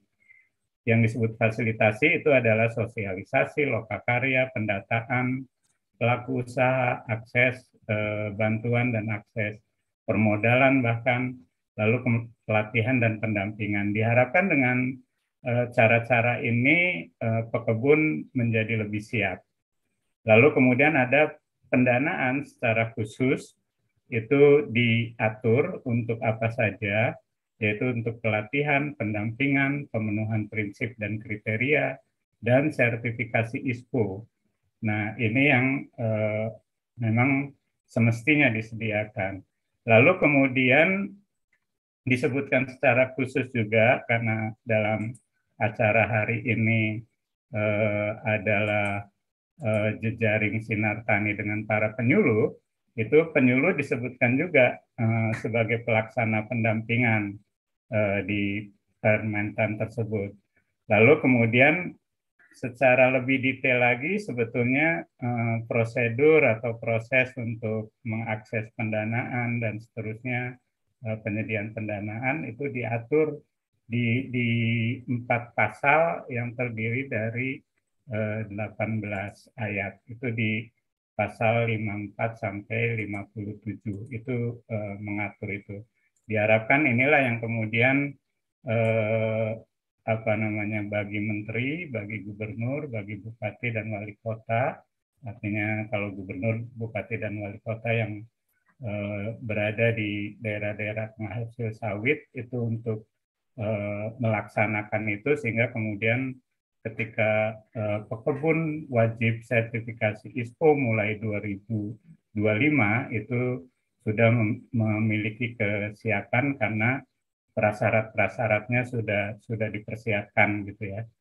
Uh, itu kemudian lanjut ke uh, slide ke dua. Saya lihat di kolom chat dari Merauke juga hadir. Uh, jadi ini kalau kita berfokus pada uh, pekebun, uh, maka kalau saya dari pengalaman kami, saya tidak ingin menceritakan uh, proses uh, kami melakukan, tetapi saya lebih uh, mengambil dari pengalaman-pengalaman tersebut, pembelajaran atau hikmah atau lesson learn dari yang uh, diperoleh. Pertama di tengah itu kalau kami melihat uh, pekebun, apalagi ketika dia sudah berorganisasi dengan berbagai bentuk organisasi, uh, kelompok tani atau gabungan kelompok tani dengan dasar hukum yang beragam juga gitu ya. Eh, mereka berarti sudah mempunyai keunggulan, eh, kekuatan atau apa namanya kapasitas gitu ya, dan eh, mereka tidak perlu ditempatkan sebagai objek, tetapi justru sebagai pelaku. Nah, kalau kami memperhatikan gitu, ketika masuk pada program-program sertifikasi itu eh, ada yang memang sebetulnya sudah mandiri, sudah bisa mempersiapkan sendiri segala sesuatunya eh, hingga sertifikasi. Artinya termasuk bagaimana berhubungan dengan pemerintah, bagaimana di dalam sendiri mempersiapkan segala sesuatunya, manajemennya dan eh, apa namanya standarnya gitu ya, itu bisa dilakukan secara mandiri. Ada kemudian gradasi yang dia perlu dibantu Eh, tetapi sebatas pada penyelesaian ketika ada permasalahan-permasalahan yang mereka tidak bisa atasi sendiri. Karena ada persoalan yang eh, perlu dilakukan oleh pihak lain, eh, tetapi kemudian bermanfaat bagi pekebun. Eh, karena tidak mungkin dilakukan oleh pekebun sendiri. Ada persoalan-persoalan seperti itu. Nah, itu yang eh, biasanya kelompok pekebun atau organisasi pekebun itu perlu bantuan. Lalu ada yang memang perlu didampingi dari persiapan sampai sertifikasi. Eh, itu yang eh, kita melihatnya gitu ya. Artinya itu semua harus kita eh, siapkan bersama-sama sehingga yang tadi disampaikan eh, Bu Mus termasuk Pak Derajat gitu ya bahwa kalau dalam hitungan itu ada data 5 juta, 6 juta atau lebih gitu ya yang pekebun sawit. Eh, kalau data BPS itu ada 2 juta kakak lebih ya yang menjadi pekebun sawit gitu ya. Itu diharapkan nantinya ya terangkat melalui uh, sertifikasi ISPO ini. Nah, uh, selanjutnya adalah ketika sudah ada yang lebih mandiri, eh, maka sebetulnya di situ ada peluang untuk saling mendukung antar organisasi perkebun. Saya kira nanti eh, eh, Mbak Rukaya yang yang jadi narasumber setelah ini juga Pak Mahmud dari pendekatan eh, kebun dan dari eh, Pak maaf bukan Pak Zahron ya dari pendekatan eh, sebagai pendamping pekebun dan penyuluh gitu ya pasti nanti punya perspektif-perspektif juga. Nah kemudian di samping kiri dan kanan itu kita mempelajari memang ada ada peluang artinya eh, bagi pekebun untuk kemudian nantinya mempersiapkan hingga sertifikasi ISPO gitu ya. Eh, peluang ini didapatkan dari kekuatan atau keunggulan pekebun karena pertama pasti sudah punya kebun yang uh, telah terbangun dan menghasilkan TBS gitu ya. Lalu kemudian punya pengetahuan sedikit banyak gitu ya tentang praktek budidaya itu yang cenderung semakin baik juga gitu ya karena sekarang pengetahuan juga semakin mudah diperoleh dengan dengan uh, berbagai uh, apa uh, Eh, jalur komunikasi gitu ya. Lalu pengetahuan tentang uh, produk sampingan sawit, uh, jadi dari sawit sudah bisa menghasilkan uh, tidak hanya TBS tetapi juga yang lain, termasuk dari kebun sawit juga gitu ya. Lalu terdapat PKS yang menerima TBS pekebun karena uh, kalau hasilkan TBS pasti harus uh, diterima atau dibeli oleh uh, pabrik pengolahan. Lalu ada prospek kemitraan dengan kebun eh, sawit swasta yang berada di sekitar atau bahkan di beberapa tempat memang sudah bermitra dari awal gitu ya. Lalu kemudian ada peraturan dan sumber dukungan termasuk pendanaan yang tadi eh, sudah lumayan banyak dijelaskan dan nanti saya kira ketika eh, Pak Direktur PPH Bun gitu ya Pak Dedi uh, menyampaikan uh, nanti juga beliau pasti akan uh, berbicara hal-hal seperti itu juga gitu ya uh, yang bagi bagus bagi pengetahuan uh, penyuluh untuk kemudian nanti uh, mendampingi pekebun. Lalu kemudian tantangan kalau eh, kami pelajari dari dari berbagai pengalaman gitu ya, itu ada beberapa hal juga eh, termasuk yang lebih spesifik untuk eh, kebun sawit gitu ya. Pertama itu eh, ada yang memang kelompoknya aja belum ada gitu ya, eh, atau sudah berkelompok tapi baru-baru gitu ya dan eh, belum memiliki kapasitas. Lalu eh, di di kebun sawit itu banyak lahan uh, belum memiliki legalitas. Lalu kemudian uh, belum mengetahui cara pemenuhan standar IPO. Mungkin sudah pernah dengar-dengar atau bahkan belum pernah mendengar gitu ya, tapi kemudian uh, apa namanya banyak memang yang belum mengetahui cara pemenuhan standar ISPO-nya. Lalu keterbatasan informasi terkait penetapan harga TBS ini yang eh, apa namanya ketika informasi tidak berimbang maka kemudian ada eh, resiko pekebun dirugikan dari sisi eh, harga gitu ya. Lalu kemudian eh, pelayanan pendataan eh, lebih spesifik misalnya STDB gitu ya itu yang lambat dan kemudian di beberapa tempat justru menjadi beban bagi petani yang seharusnya pelayanan mempermudah tetapi justru menjadi beban bagi kebun. Lalu kemudian eh, keberlangsungan dana untuk penilikan dan resertifikasi. Ini tantangan-tantangan yang dihadapi. Nah, kehadiran penyuluh saya kira eh, dan eh, termasuk kalau di dalam peraturan perundangannya itu ada istilah pendamping, ada istilah fasilitator, ada istilah mitra itu penting bagi organisasi pekebun untuk eh, merumuskan bersama-sama tentu saja berangkat dari apa yang dimiliki pekebun untuk strategi bagaimana memanfaatkan peluang dan juga bagaimana menghadapi eh, tantangan-tantangan yang yang ada gitu ya. Itu saya kira eh, apa namanya pada tahap ini yang bisa saya sampaikan Nanti tentu saja eh, detailing atau kalau ada yang ingin dijelaskan lebih lanjut eh, bisa disampaikan melalui pertanyaan yang mungkin nanti bisa saya jawab atau mungkin eh, Bapak dan Ibu lain yang menjadi narasumber itu bisa lebih baik menjawab. Demikian saya sampaikan. Eh, terima kasih. Di kembali ke Pak Moderator. Terima kasih Pak Heri, saya kira luar biasa ini pencerahan bagi kita semua.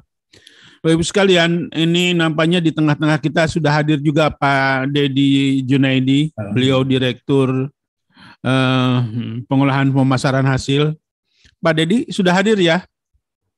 Ya, mangga Pak Dedi. Terima kasih nih Pak Dedi. Nah, ada waktu luang untuk uh, uh, sebagai moderator, sebagai narasumber di sini. Mengapa Pak Dede? Baik Pak. Ya mohon maaf. Assalamualaikum warahmatullahi wabarakatuh. Waalaikumsalam. Waalaikumsalam. Ya, Pak Mul bisa didengar dengan baik Pak? Bagus, bagus. Bagus Pak Dedi. Alhamdulillah. Eh, Assalamualaikum warahmatullahi wabarakatuh. Waalaikumsalam. Selamat pagi, salam sejahtera dan salam sehat semua, bos sekalian. Eh, yang terhormat Pak Yono Mahmur nih, eh, kolega kami, senior kami juga Pak. Dulu sama-sama P2HP nih Pak. P2HP ya, kita bareng.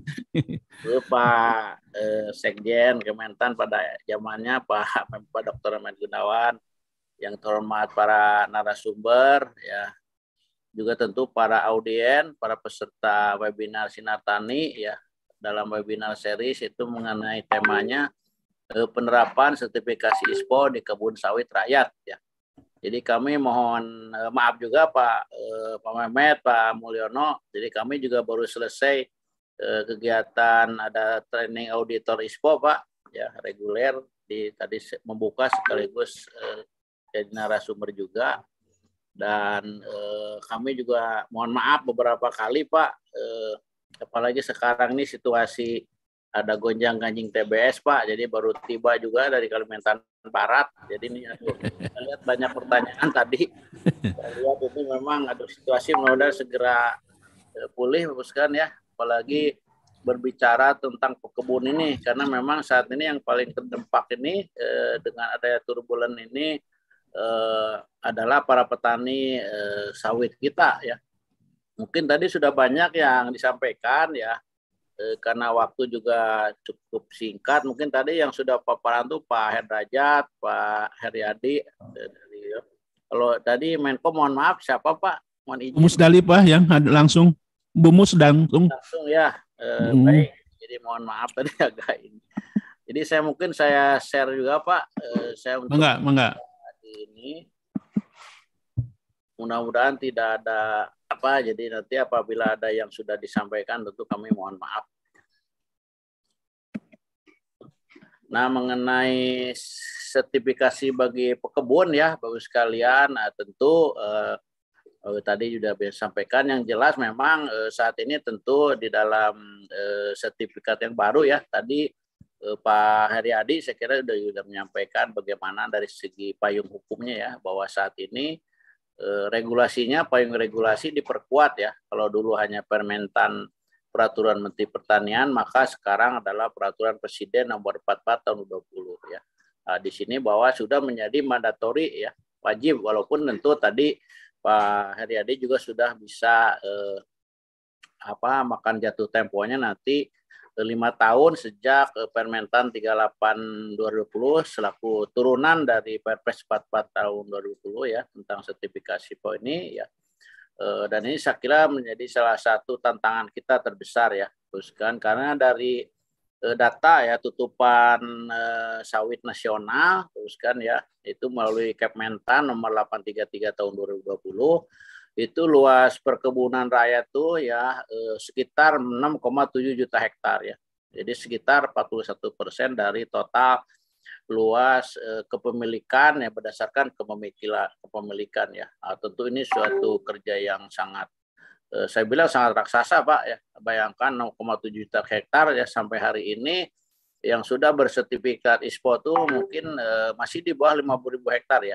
Ya jadi itulah tantangan kita uh, yang uh, dan kami juga tentu berterima kasih kepada Sinar Tani yang juga beberapa kali ya menyelesaikan webinar ya kaitannya dengan sertifikasi ISPO tersebut ya. Jadi kami yang gembira, bahkan ya kami juga kemarin ke lapangan ya, dan begitu mengunjungi salah satu eh, pabrik kelapa sawit ya di depannya sudah tertampang ya sudah ada bersertifikat ISPO ya. Dan dari hasil diskusi eh, memang eh, kalau sudah sudah terinternalisasi ya memang dari segi ini bahwa mereka eh, merasakan ya manfaatnya dengan adanya eh, ISPO tersebut ya.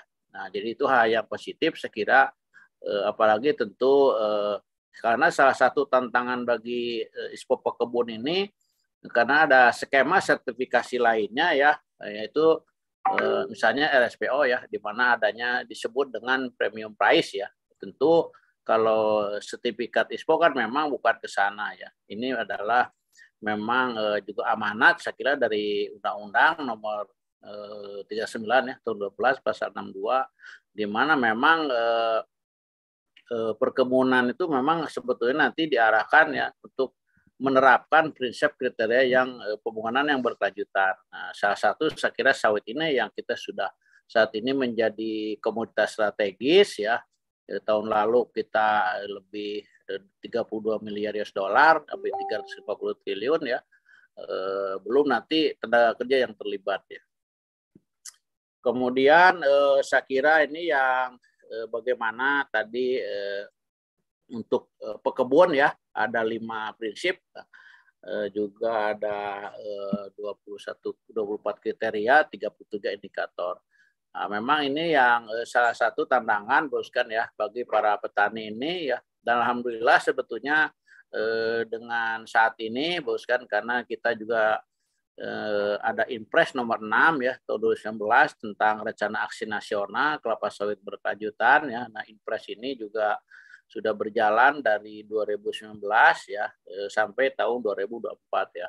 Nah, alhamdulillah juga tentu saya juga di sini ditunjuk sebagai eh, ketua sekretariat tim pelaksana RAN KSB ini, Bu Nah, tadi sebetulnya Bu eh, Bu eh, deputi ya Bu Musdalifah nih beliau sebagai ketua pelaksana. Nah, kami yang menjalankan sehari-hari bahkan ya kaitannya dengan uh, RAN KSB ini. Tentu RAN KSB ini ya kaitannya tentu juga sebetulnya dalam rangka mendukung ya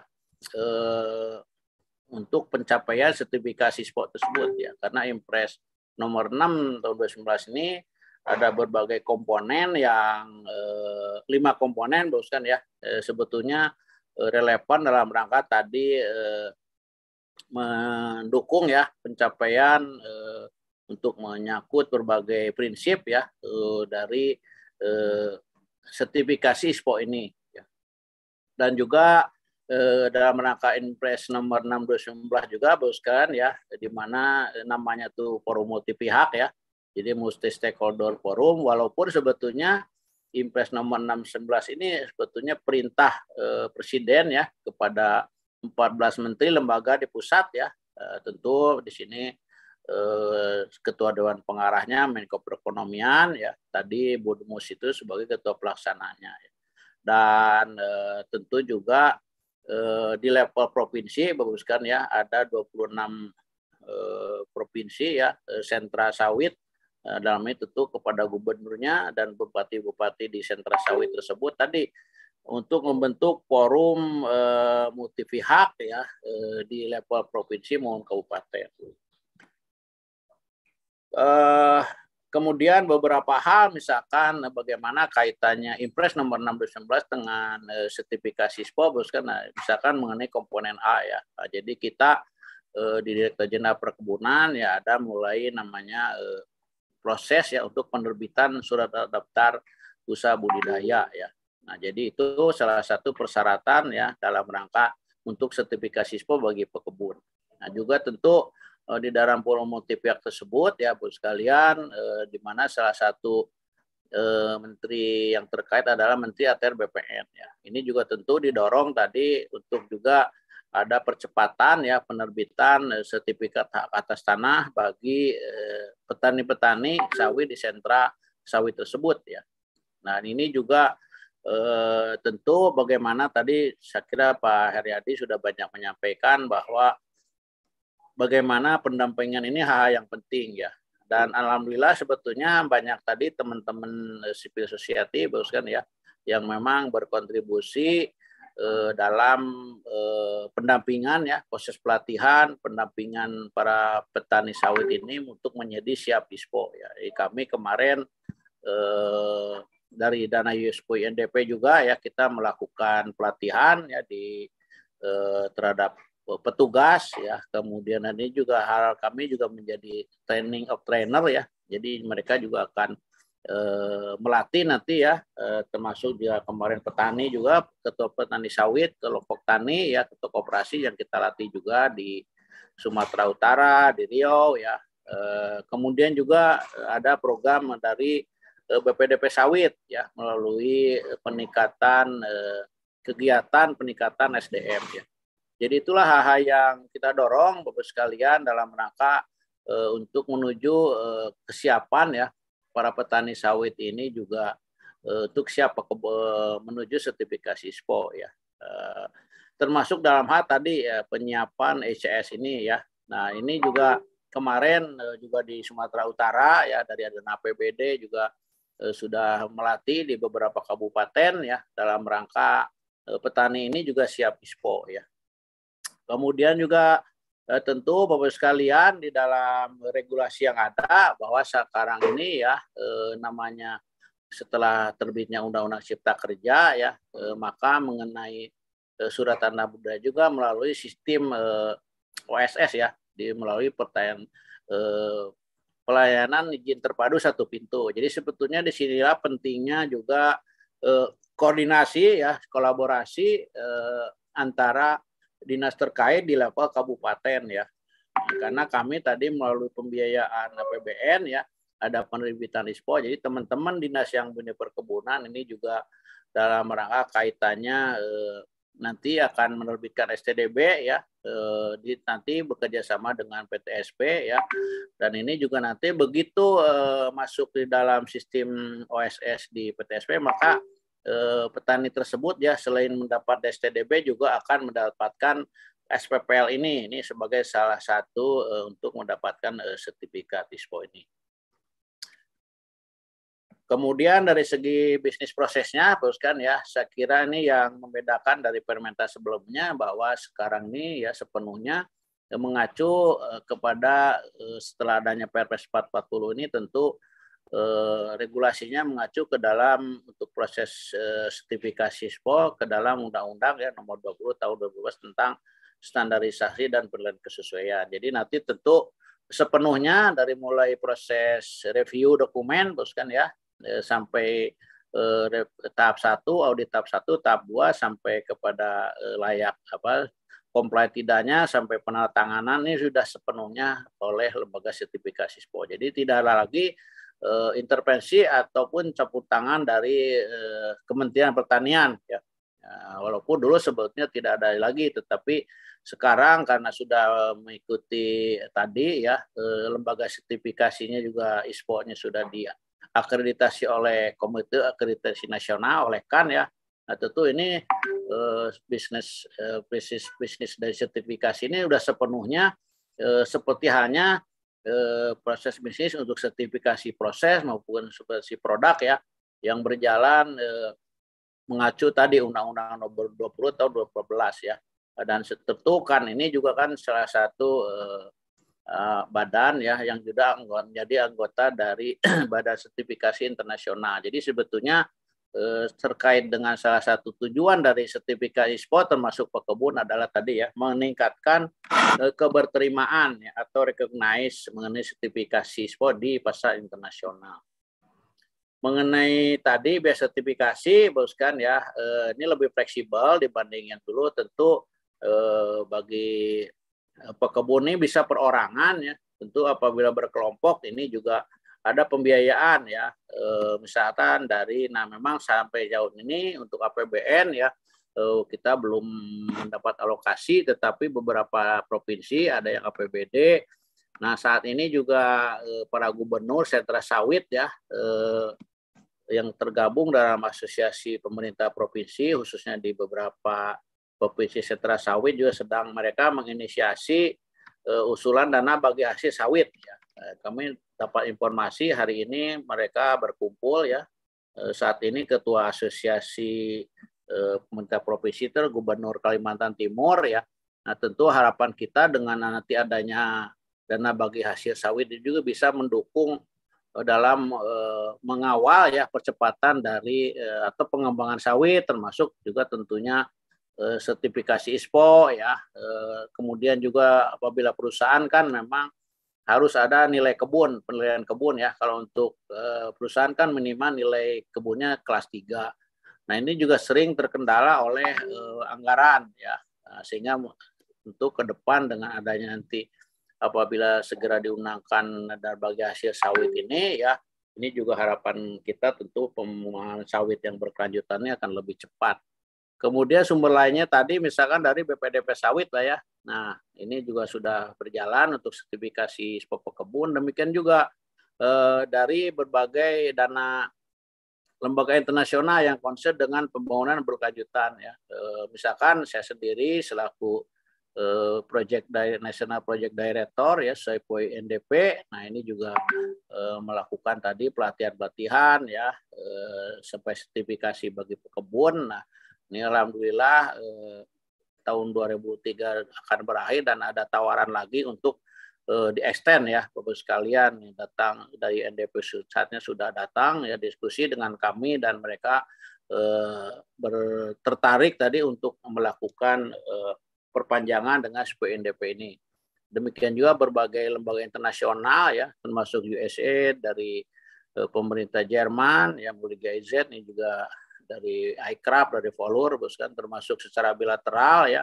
Ada Netherlands Indonesia Cooperation ya di yang berlokasi di petani sawit di Kalimantan Barat, Kalimantan Tengah, ya ada juga kemarin dari Kedubes Swiss ya kami antar ke Provinsi Jambi eh, dari Denmark juga sebelum ketemu tentu mereka juga tertarik tadi untuk eh, melakukan tadi tertarik setelah melihat tadi instruksi presiden ya eh, nomor 6 2019. Yang mudah-mudahan ini juga tentu eh, akan turun membantu kita ya eh, tadi apabila kita kaitkan dengan masih rendahnya realisasi ISPO ini bagi para petani ini. Nah, jadi tentu pendanaan ini bisa untuk pelatihan ya pendampingan sertifikat ISPO bagi untuk tahap pertama ya selama lima tahun. Nah ini boskan ya, jadi sudah banyak saya sampaikan Impres nomor 611. Saya kira ini bagian dari eh, eh, apa Eh, regulasi dari presiden, instruksi dari presiden tadi untuk tadi mempercepat ya terwujudnya pembangunan sawit berlanjutan. Memang nih Bapak sekalian ya situasi terutama bagi kegiatan-kegiatan di kementerian ya karena di pusat ini ada 14 kementerian lembaga ya eh, ini ternyata banyak terkena eh, refocusing ya eh, ternyata pemotongan anggaran karena tadi banyak kegiatan-kegiatan itu dialihkan untuk uh, penanggulangan COVID ya. Dan itu juga kegiatan di kami juga uh, ada beberapa yang harusnya terlaksana ya mau tidak mau tentu karena kesehatan uh, keselamatan manusia juga lebih penting ya. Dan tentu ada beberapa yang adalah berdasarkan skala prioritas. Nah, jadi dari Impres ini baguskan ya ada lima komponen. Nah ini ya eh, penggunaan data itu tadi bagaimana mengenai STDB ya. Eh, kemudian juga percepatan mengenai eh, apa data spasial ya.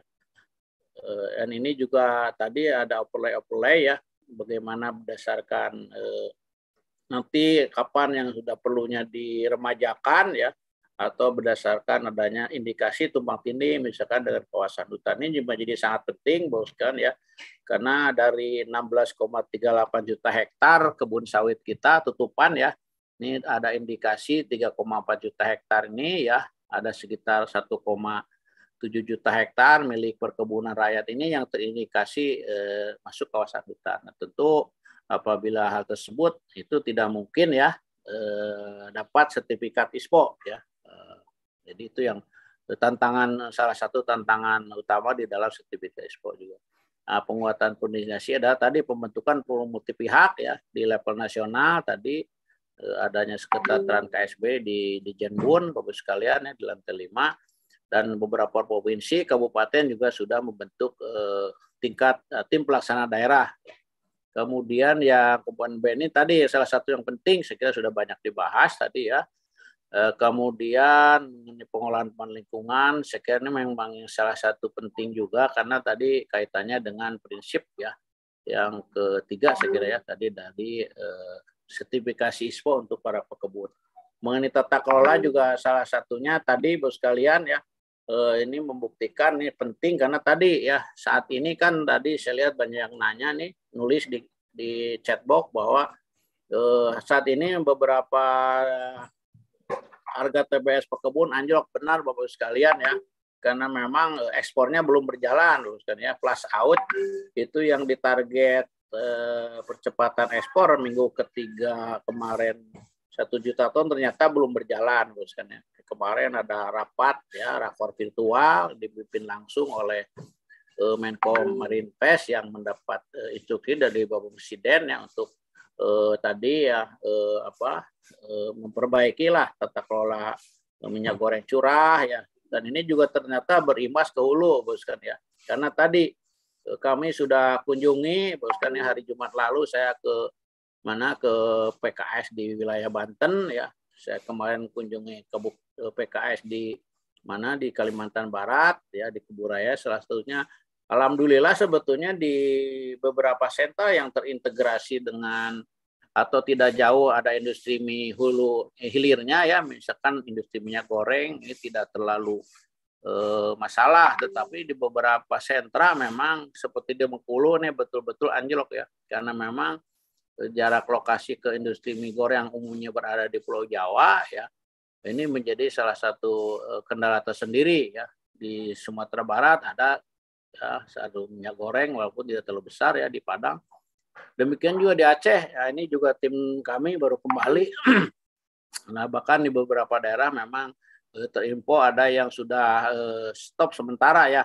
Nah, ini sudah kita laporkan juga pada saat rakor ya eh, kemarin kepada Pak Menko karena saya hadir mewakili Eh, dan ini beberapa kali Pak Menteri Pertanian juga boskan hampir selang dua hari ini rakor ini ternyata juga eh, ini ekspor ini belum berjalan dengan lancar. Ya mungkin karena situasi eh, perdagangan internasional juga pada saat plus out ini juga belum eh, apa agak kurang kondusif sekira ya. Sehingga eh, target kita ya ditargetkan sebetulnya sampai akhir Juni ini Eh, keluar ini 3 juta ton boskan. Jadi hari ini tanggal 23 ya. Nah, jadi masih ada waktu seminggu ya kita berdoa saja boskan karena bentuk eh, kita tuh kan eh, minimal 48 juta ton satu tahun kan. Jadi bayangkan kalau PKS PKS pada berhenti tutup itu juga dampaknya kepada para petani ya tidak bisa menjual TBS-nya ya. Nah, ini memang ini menjadi pelajaran yang cukup Eh, jangan terulang ya karena tadi ternyata ada bottleneck antara di industri hilir ya dengan industri hulu ya. Nah, makanya sekarang dikembangkan eh, semua pabrik kelapa sawit untuk masuk ke dalam sistem informasi industri eh, nasional ya. Sehingga kejadian beberapa tahun lalu ada industri minyak goreng tidak mendapat rantai pasok ya. Ternyata bagus sekalian di dalam struktur industri minyak goreng ya ada beberapa eh, banyak atau grup asosiasi ya yang tidak minyak gorengnya tidak punya kebun ya. Nah, sehingga pada saat kemarin ada disrupsi banyak ya agak beberapa pabrik yang tidak ada dukungan kebunnya juga tutup padahal di hulu justru e, melimpah kan begitu ya. Nah, makanya dengan keterintegrasi ke dalam e, si Inas ini ya jadi kami sekalian mendampang membantu dari Kementerian Perindustrian ya untuk mendata tadi PKS-PKS ini di seluruh Indonesia untuk mendaftar ke dalam sistem industri nasional. Mudah-mudahan ada dengan adanya link ya eh, yang terintegrasi eh, dari segi datanya ya ini juga eh, bottleneck ini juga pelan-pelan bisa kita tanggulangi lah sehingga nanti ekspor ini segera berjalan kita doakan boskan ya karena tentu Eh, sawit ini berbeda karakteristiknya dengan tanaman dengan komoditas perkebunan lainnya. Jadi eh, begitu udah matang harus segera dipanen, segera digiling ya, tidak bisa dijemur atau disimpan, harus digiling menjadi CPO ya. Kemudian diproses lebih lanjut nanti antara lain dengan minyak goreng. Ini yang program-program saya kira nih eh, cukup banyak karena karena bersikat waktu ya. Nah ini yang eh, prosesnya ya. Eh, saya kira tadi juga mungkin sudah banyak disampaikan ya sekalian.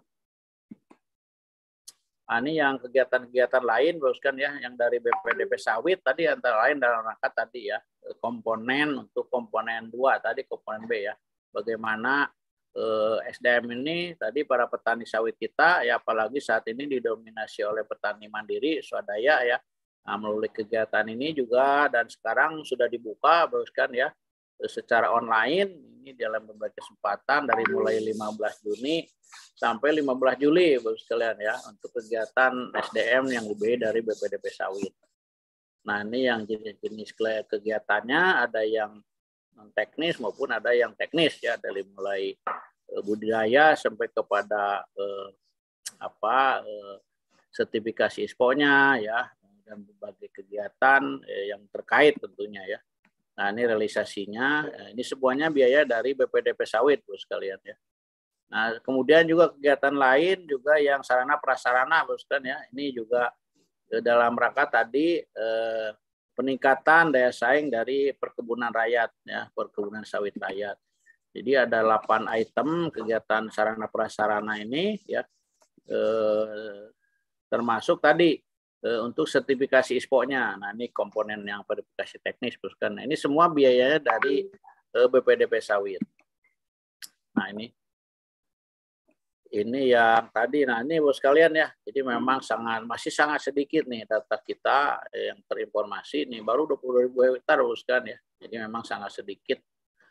Masih jauh dari harapan tentunya ya dari target kita saya kira itu dari kami Pak Amul eh, selaku moderator. Eh, wabillahi taufiq Wassalamualaikum warahmatullahi wabarakatuh.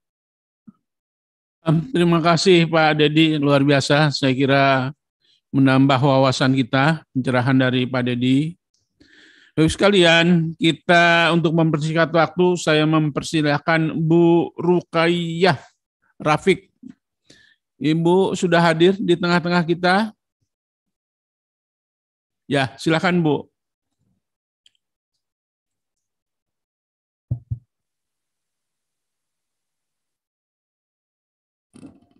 Masih ya, oke. Okay. Oke, okay, baik. Uh, terima kasih. Uh, selamat pagi. Assalamualaikum warahmatullahi wabarakatuh. Waalaikumsalam warahmatullahi wabarakatuh. Uh, kemarin saya sudah, eh, tadi pagi saya sudah kirim ke ini panitia ya untuk slide-nya. Kebetulan karena sinyal saya bermasalah di rumah, jadi mungkin bisa dioperasikan uh, dari sana.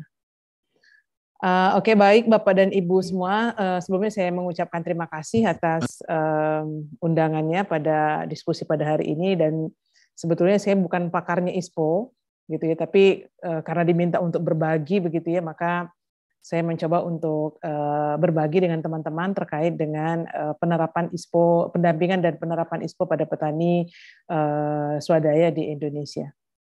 Mungkin saya bisa ditampilkan, uh, Ibu. Oke, okay, baik.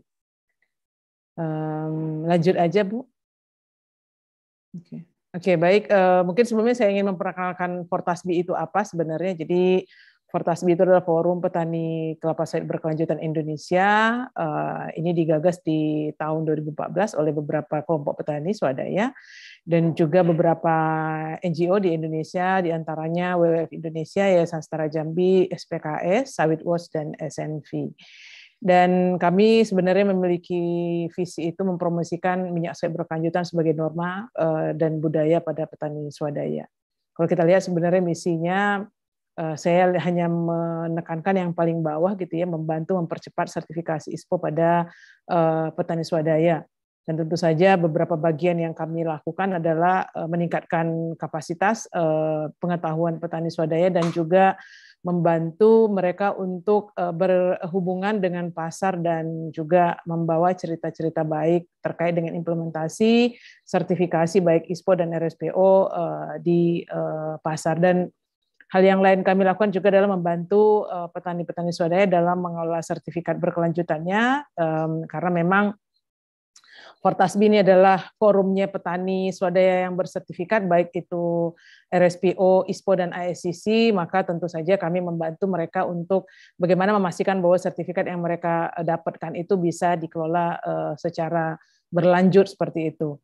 Eh, karena memang kan kalau kami lihat bahwa eh, proses mendapatkan sertifikasi memang ada kerumitan sendiri, tetapi justru juga yang paling rumit sebetulnya adalah bagaimana memastikan sertifikatnya tetap eh, bertahan gitu ya dan mereka percaya terhadap sertifikasi itu.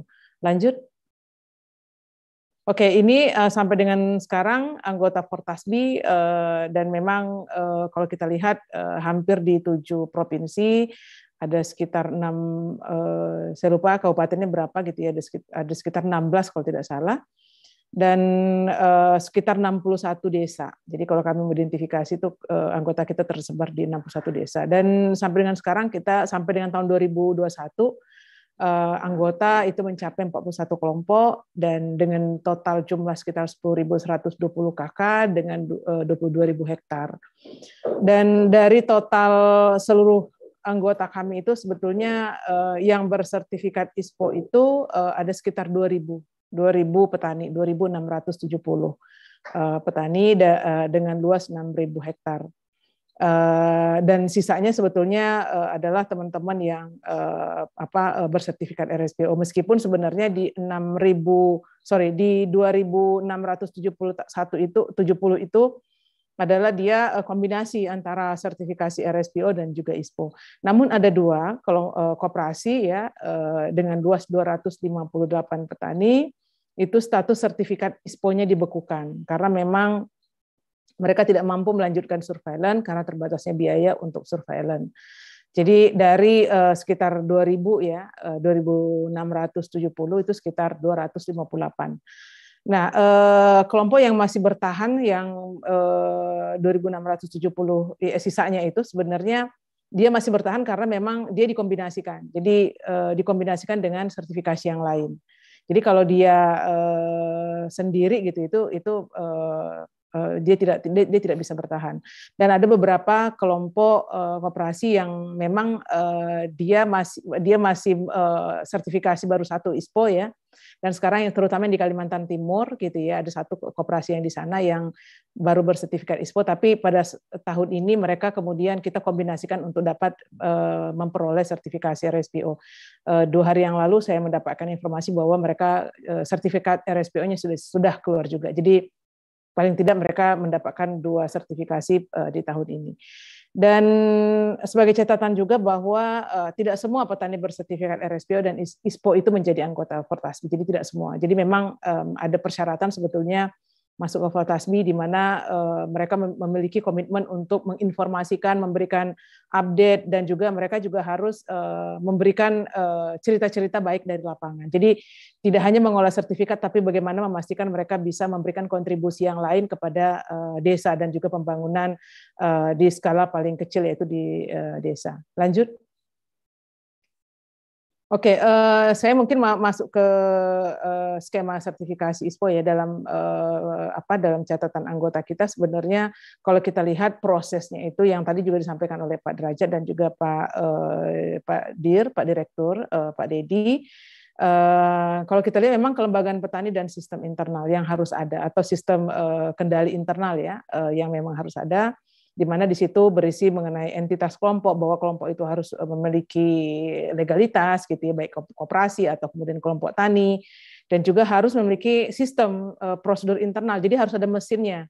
Nah memang yang kita lihat sekarang ini persoalan koperasi-koperasi atau asosiasi petani itu sebetulnya bukan legalitasnya tapi sistemnya kadangkala sebenarnya kalau kita lihat koperasi-koperasi, koperasinya berjalan, tetapi mekanisme pengaturan di dalam internal itu tidak berjalan. Misalnya eh, apa namanya eh, tupoksinya, terus kemudian prosedur, eh, bagaimana kemudian misalnya ada rapat internal dan lain sebagainya itu itu tidak tidak tidak tersedia sama sekali. Jadi koperasi-koperasi yang ada pada saat sekarang ini kalau kita lihat bahwa kebanyakan cuma beroperasi ketika eh, produksinya ada gitu atau kemudian jual TBS atau gajian gitu itu itu hal-hal itu gitu yang yang yang kemudian uh, dia ada gitu. Tapi kalau inter, uh, apa prosedur internal atau sistem kendali internalnya itu tidak tidak uh, banyak yang sebetulnya yang uh, kurang sehat. Dan kalau kita lihat di ISPO sendiri kami mengidentifikasi sebenarnya ada sekitar 15 prosedur. Jadi kalau kita bicara tentang sistem gitu ya, maka sebetulnya si eh, kooperasi itu apa paling tidak ya eh, minimal gitu mereka ada 15 prosedur penting yang mereka juga harus comply yang eh, kalau kemudian mereka mau masuk ke sertifikasi ISPO. Jadi eh, bisa bisa dilihat bahwa ini memang eh, menjadi problem di petani swadaya. Terus yang lain adalah terkait dengan legalitas lahan dan usaha tadi disampaikan juga eh, terkait dengan SHM, terus kemudian legalitas usaha terkait dengan STDB.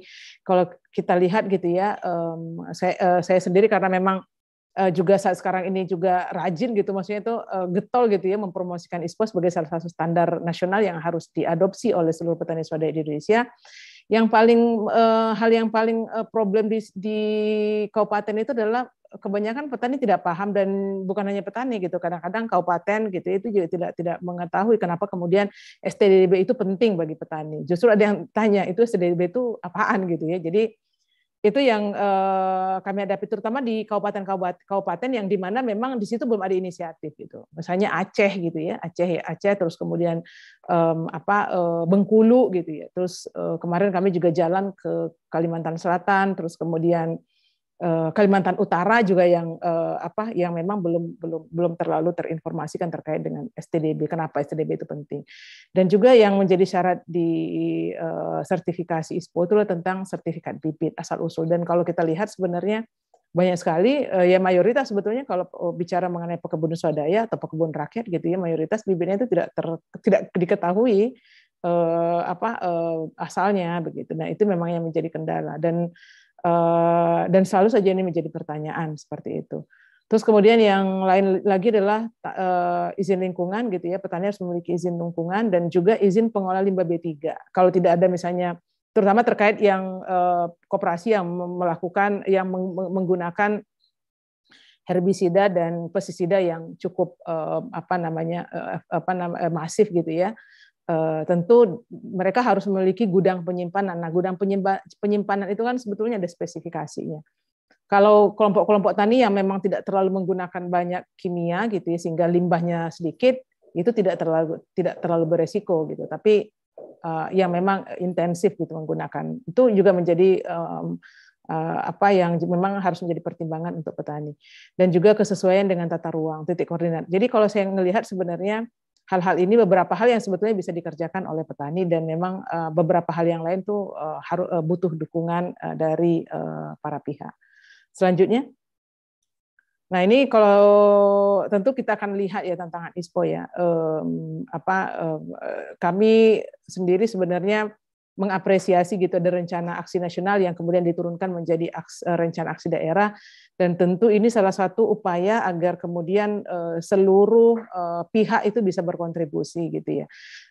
Namun memang kalau kita lihat di dalam ini ini dalam pandangan saya sebetulnya tentu kita bisa nanti berdiskusi lebih lanjut karena tentu kalau kita ingin sama-sama untuk uh, mendorong ISPO secara cepat sebelum tahun 2025 gitu maka kita harus melihat apa sih eh, hambatan-hambatan yang dihadapi oleh petani. Nah, kalau kita lihat misalnya dalam persiapan itu ada beberapa komponen gitu ya uh, dan juga prosesnya. Tapi saya meng-highlight yang warna oranye. Kalau kita lihat bahwa dalam proses dalam persiapan dan proses proses sebenarnya ada tantangan. Jadi kalau kita lihat Eh, kadang-kadang kami berbicara dengan perusahaan-perusahaan itu jadi mereka juga tidak terlalu respect, maksudnya tidak terlalu memiliki komitmen untuk membantu petani swadaya. Karena selalu yang jadi patokannya adalah karena mereka bukan mitra kita gitu, mereka bukan plasma kita sehingga perusahaan sendiri tidak memiliki tanggung jawab. Padahal kalau kita lihat secara supply base-nya gitu ya, petani sebetulnya menghantar buahnya ke pabrik. Artinya perusahaan itu sebenarnya memiliki tanggung jawab untuk memastikan bahwa seluruh rantai pasoknya itu tidak hanya dari plasma mereka, tapi juga petani swadaya itu bisa comply terhadap standar eh, sustainability, sustainability dalam hal ini ISPO. Terus kemudian yang menjadi tantangan juga adalah pemenuhan legalitas yang tadi juga saya sampaikan di atas gitu ya. E, tentu ini nanti mudah-mudahan bisa jadi pertimbangan karena nanti kami memiliki rekomendasi terkait hal tersebut dan juga problem kelembagaan. E, e, kami kemarin berdiskusi juga dengan teman-teman Kementerian Koperasi gitu ya dan kami menyampaikan bahwa saatnya sebetulnya kooperasi itu gerak gitu. Bergerak dalam arti apa? Dalam arti bagaimana kemudian kita dorong sama-sama agar seluruh kooperasi di Indonesia itu terutama yang sawit itu bisa mengimplementasikan ISPO. Karena kalau kooperasi itu tidak gerak, maka petani-petani di Indonesia ini lebih suka dengan asosiasi-asosiasi gitu. Padahal kalau kita sadari bahwa sebenarnya lembaga yang paling kompeten gitu ya, bentuk kelembagaan yang paling kompeten gitu ya, atau uh, kelembagaan ekonomi petani itu lebih kredibel menggunakan kooperasi.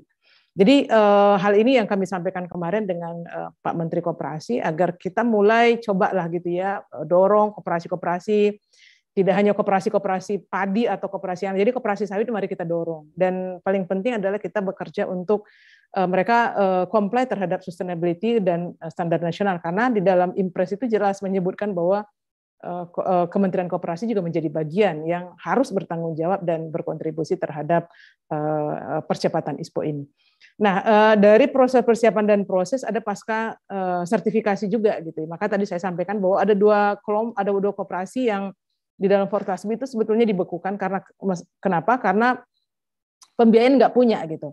Ketika dapat ISPO kan harganya sama gitu, jadi tidak tidak ada perbedaan. Saya tidak tidak ingin uh, apa namanya mengangkat bahwa tidak ada benefit sebetulnya. Kalau kita lihat secara benefit, secara um, apa namanya yang uh, bukan cash, sebetulnya banyak sekali benefit manfaat mereka ikut sertifikasi, kemitraan yang terbuka, terus kemudian uh, akses gitu ya.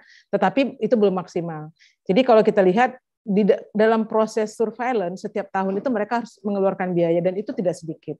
Saya catatan saya di Sumatera salah satu yang memang dibukukan adalah anggota kita yang di Sumatera Selatan itu mereka harus bayar tuh dua, eh, sekitar 80 juta gitu dengan jumlah anggota itu 200.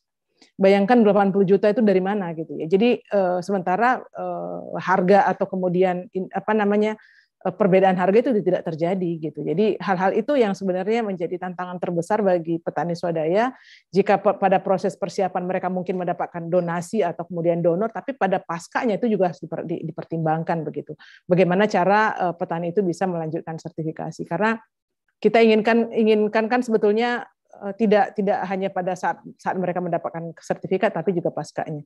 Terus kemudian eh, dia eh, sertifikasi RSPO juga belum belum ya, maksudnya itu belum maksimal untuk menjadi tiket dia bisa mengakses misalnya dukungan pemerintah atau pembiayaan atau akses pendanaan itu bisa belum jadi bisa jadi tiket gitu. Kalau jadi tiket tuh pas ya saya yakin petani pengen sebenarnya. Misalnya ketika masuk dapat ISPO mereka dapat langsung dapat PSR eh, apa namanya eh, minim persyaratan seperti itu.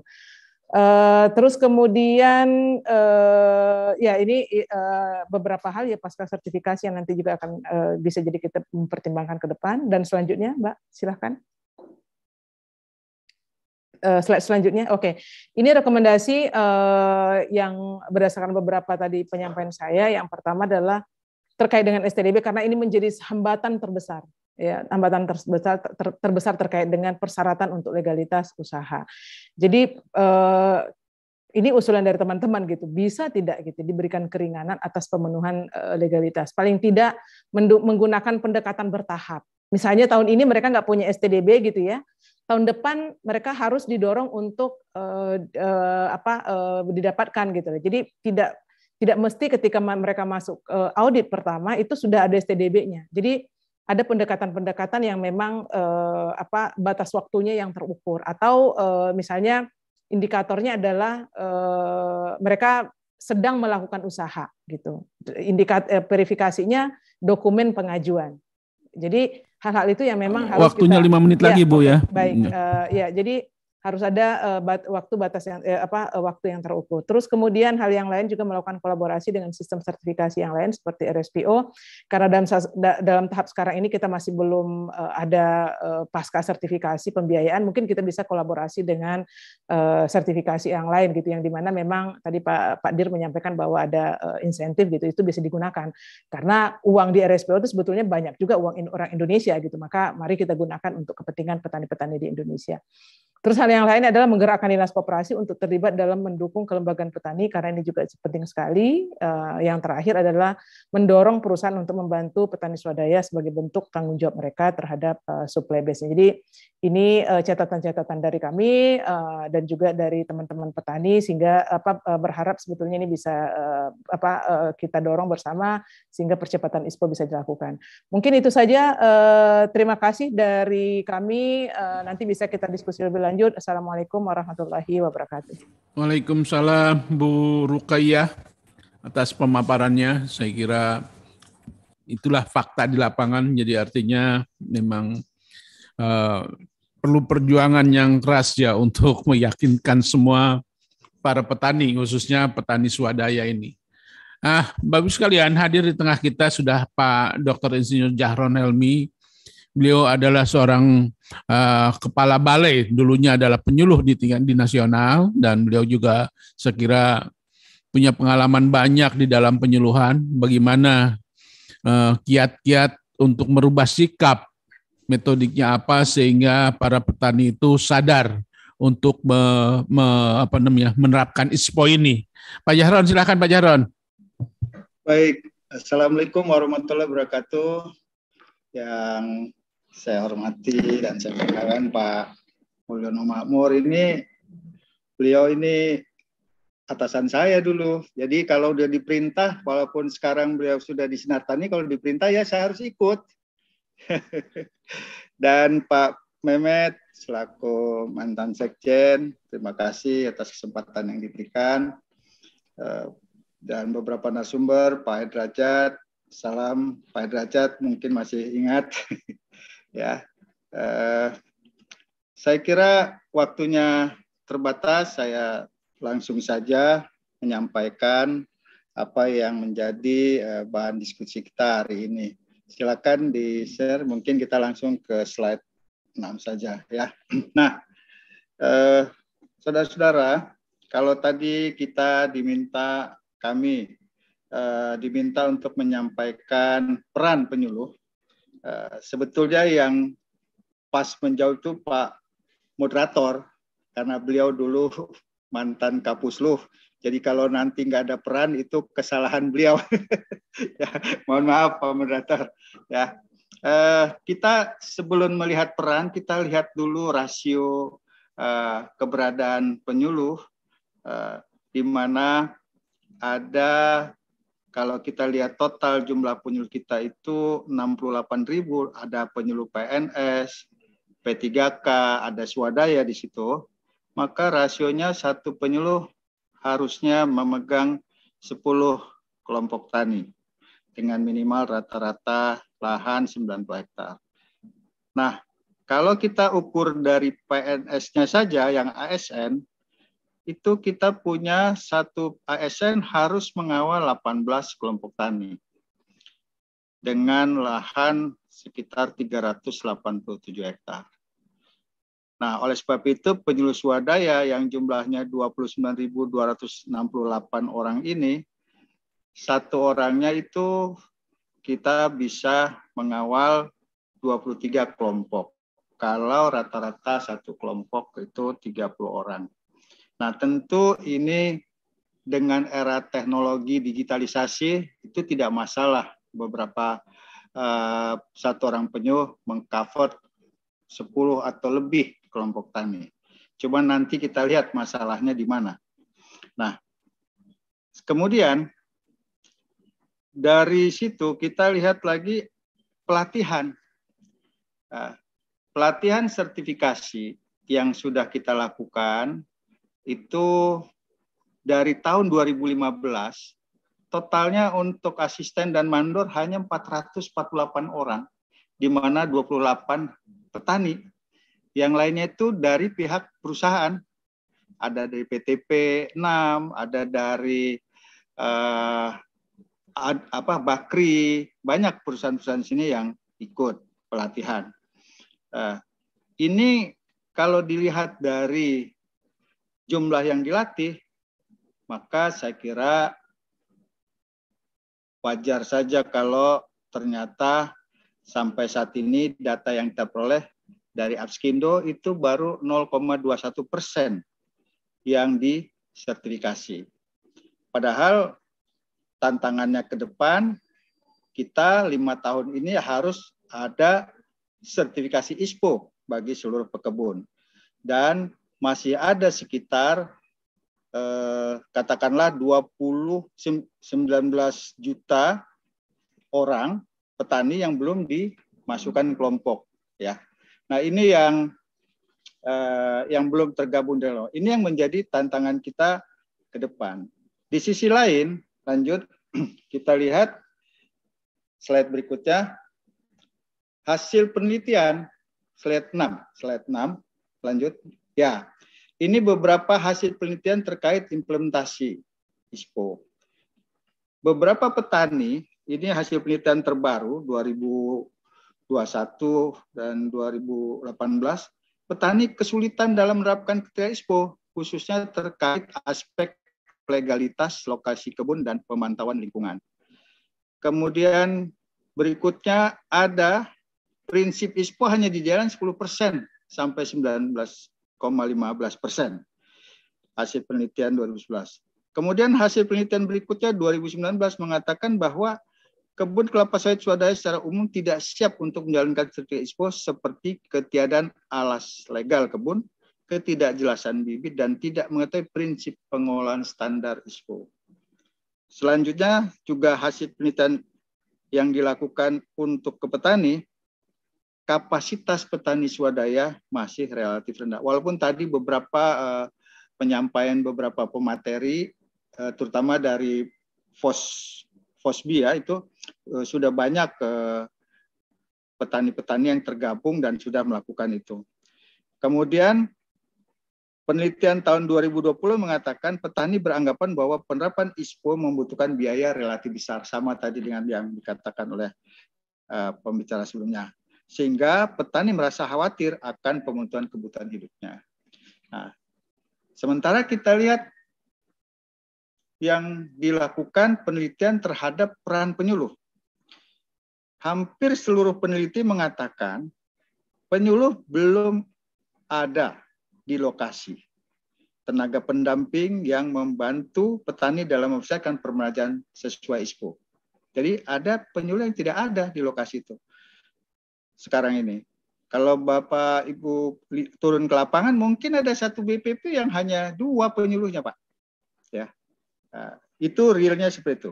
Kemudian penyuluh kurang memberikan sosialisasi terhadap penanganan ISPO. bagaimana dia mau memberikan sosialisasi? Dia juga belum tahu ISPO itu apa, ya. Nah, kemudian hasil penelitian lagi masih penyuluh pertanian di lokasi penelitian masih dikatakan relatif kurang berperan dalam keterlibatan mendorong petani menerapkan sertifikasi ISPO. Kemudian kurang berperan dalam memberikan konsultasi dan relatif masih kurang peran penyuluh dikarenakan pemahaman tentang sertifikasi ISPO masih rendah. Nah, jadi prinsipnya yang didapat dari penelitian ini, petani memang belum paham, penyuluhnya juga memang belum paham. Nah, permasalahan yang berdasar belum paham karena memang belum ada pelatihan itu secara masif. Kemudian kalau kita lihat dari kebijakan-kebijakan yang selama ini dilakukan oleh pemerintah, memang masih bias penyuluhan itu di pertanian tanaman pangan.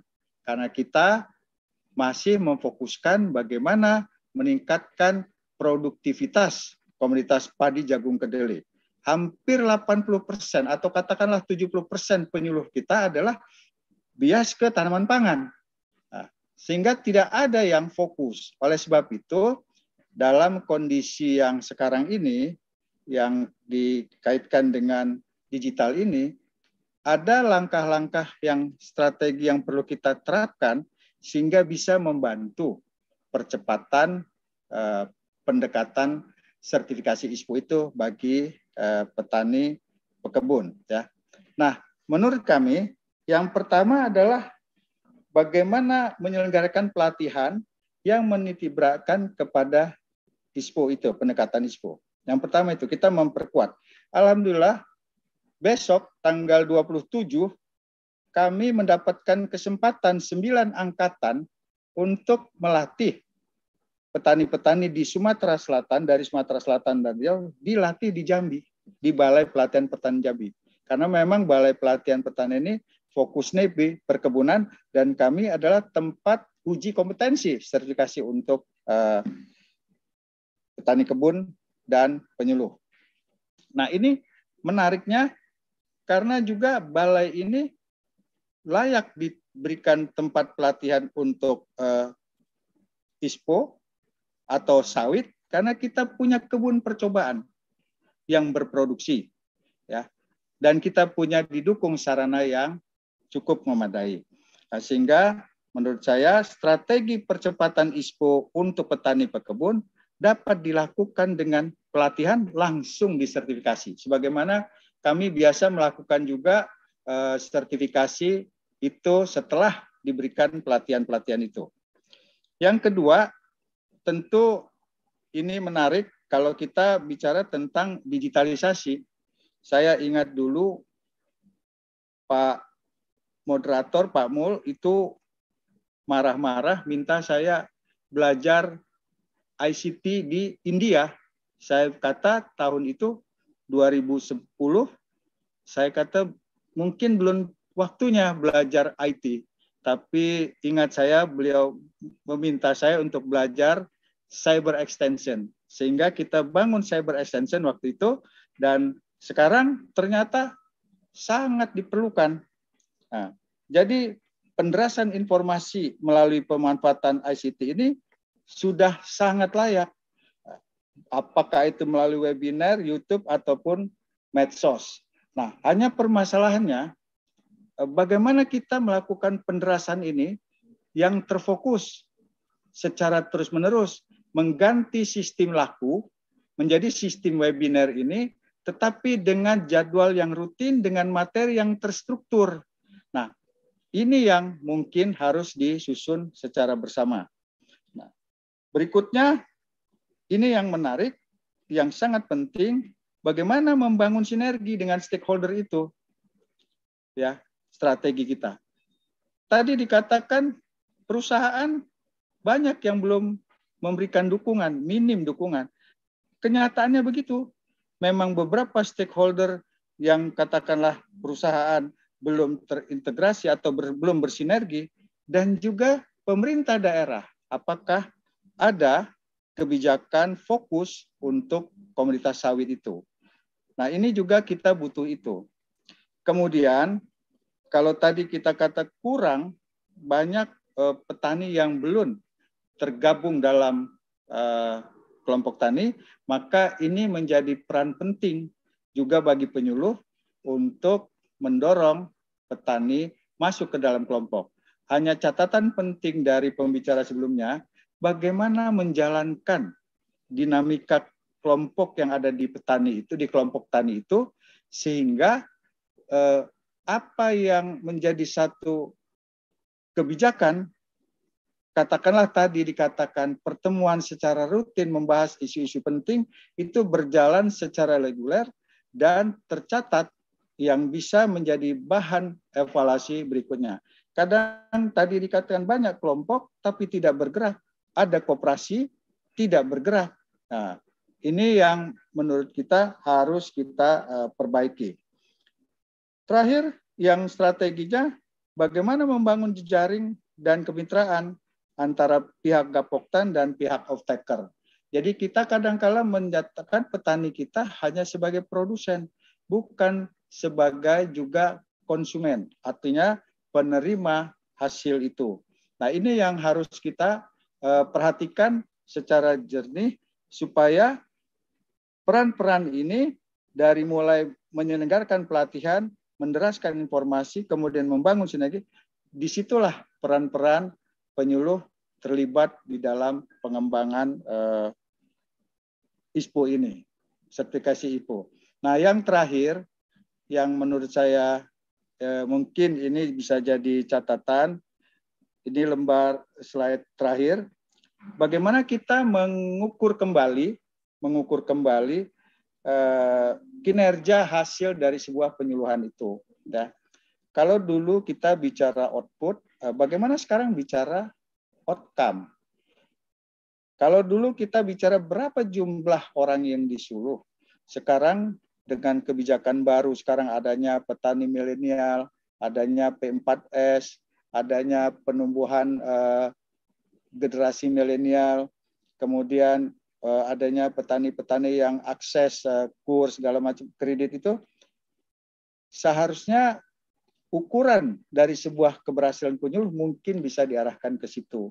Sehingga ada solusi yang harus kita bangun. Bagaimana kita meredefinisi dari kinerja penyuluhan itu sendiri.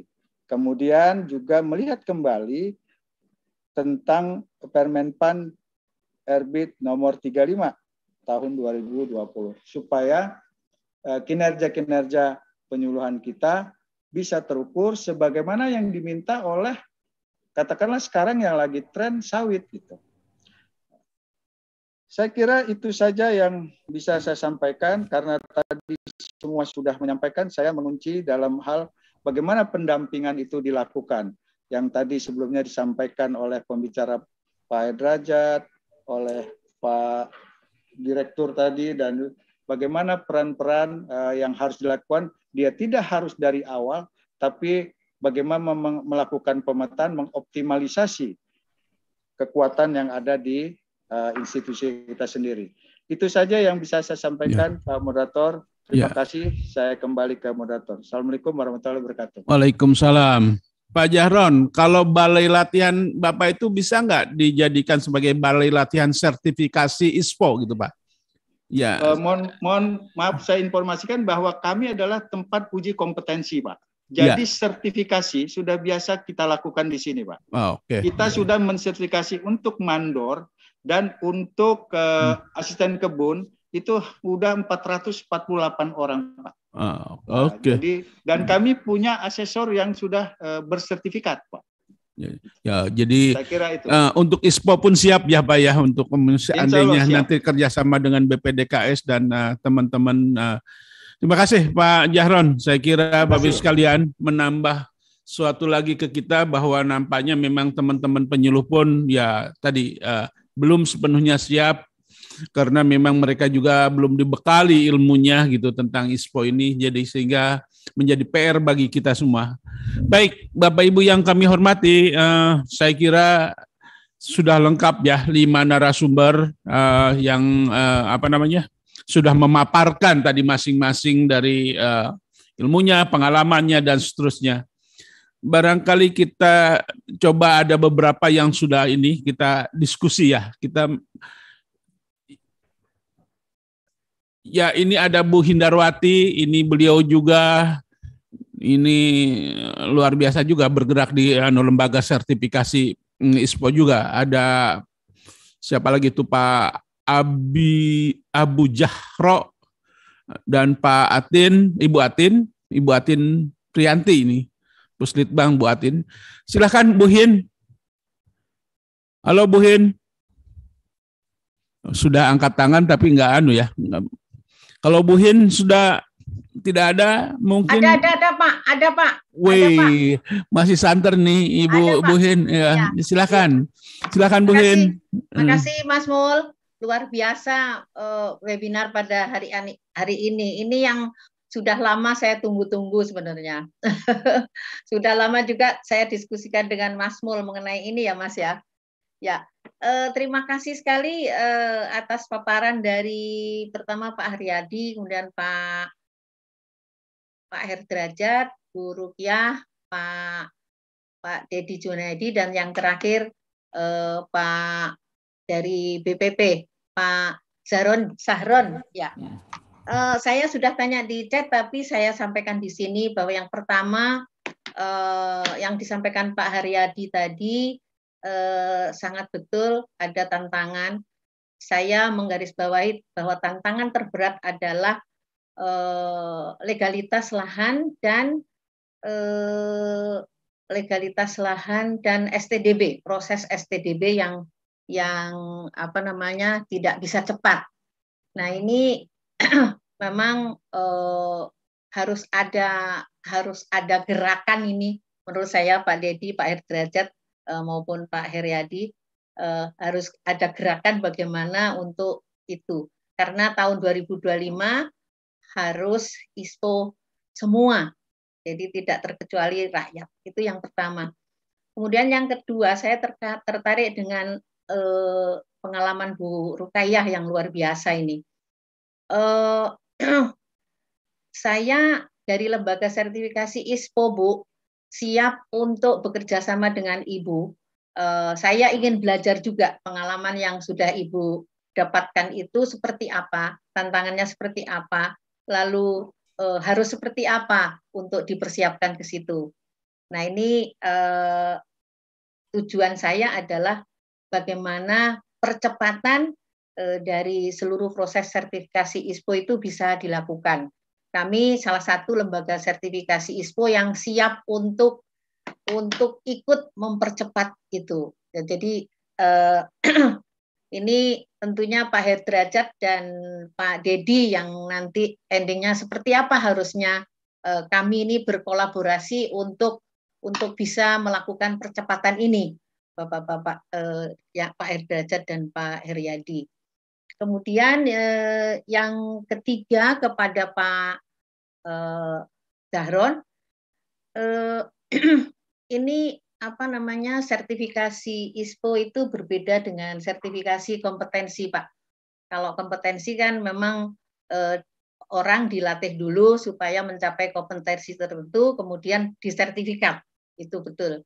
Tapi kalau ini sertifikasi ISPO ini lain, jadi yang disertifikat adalah semua proses kegiatan perkebunan, etusinya, kemudian harus memenuhi kriteria prinsip dan kriteria yang, yang ditetapkan, baru kemudian dilakukan sertifikasi oleh lembaga sertifikasi.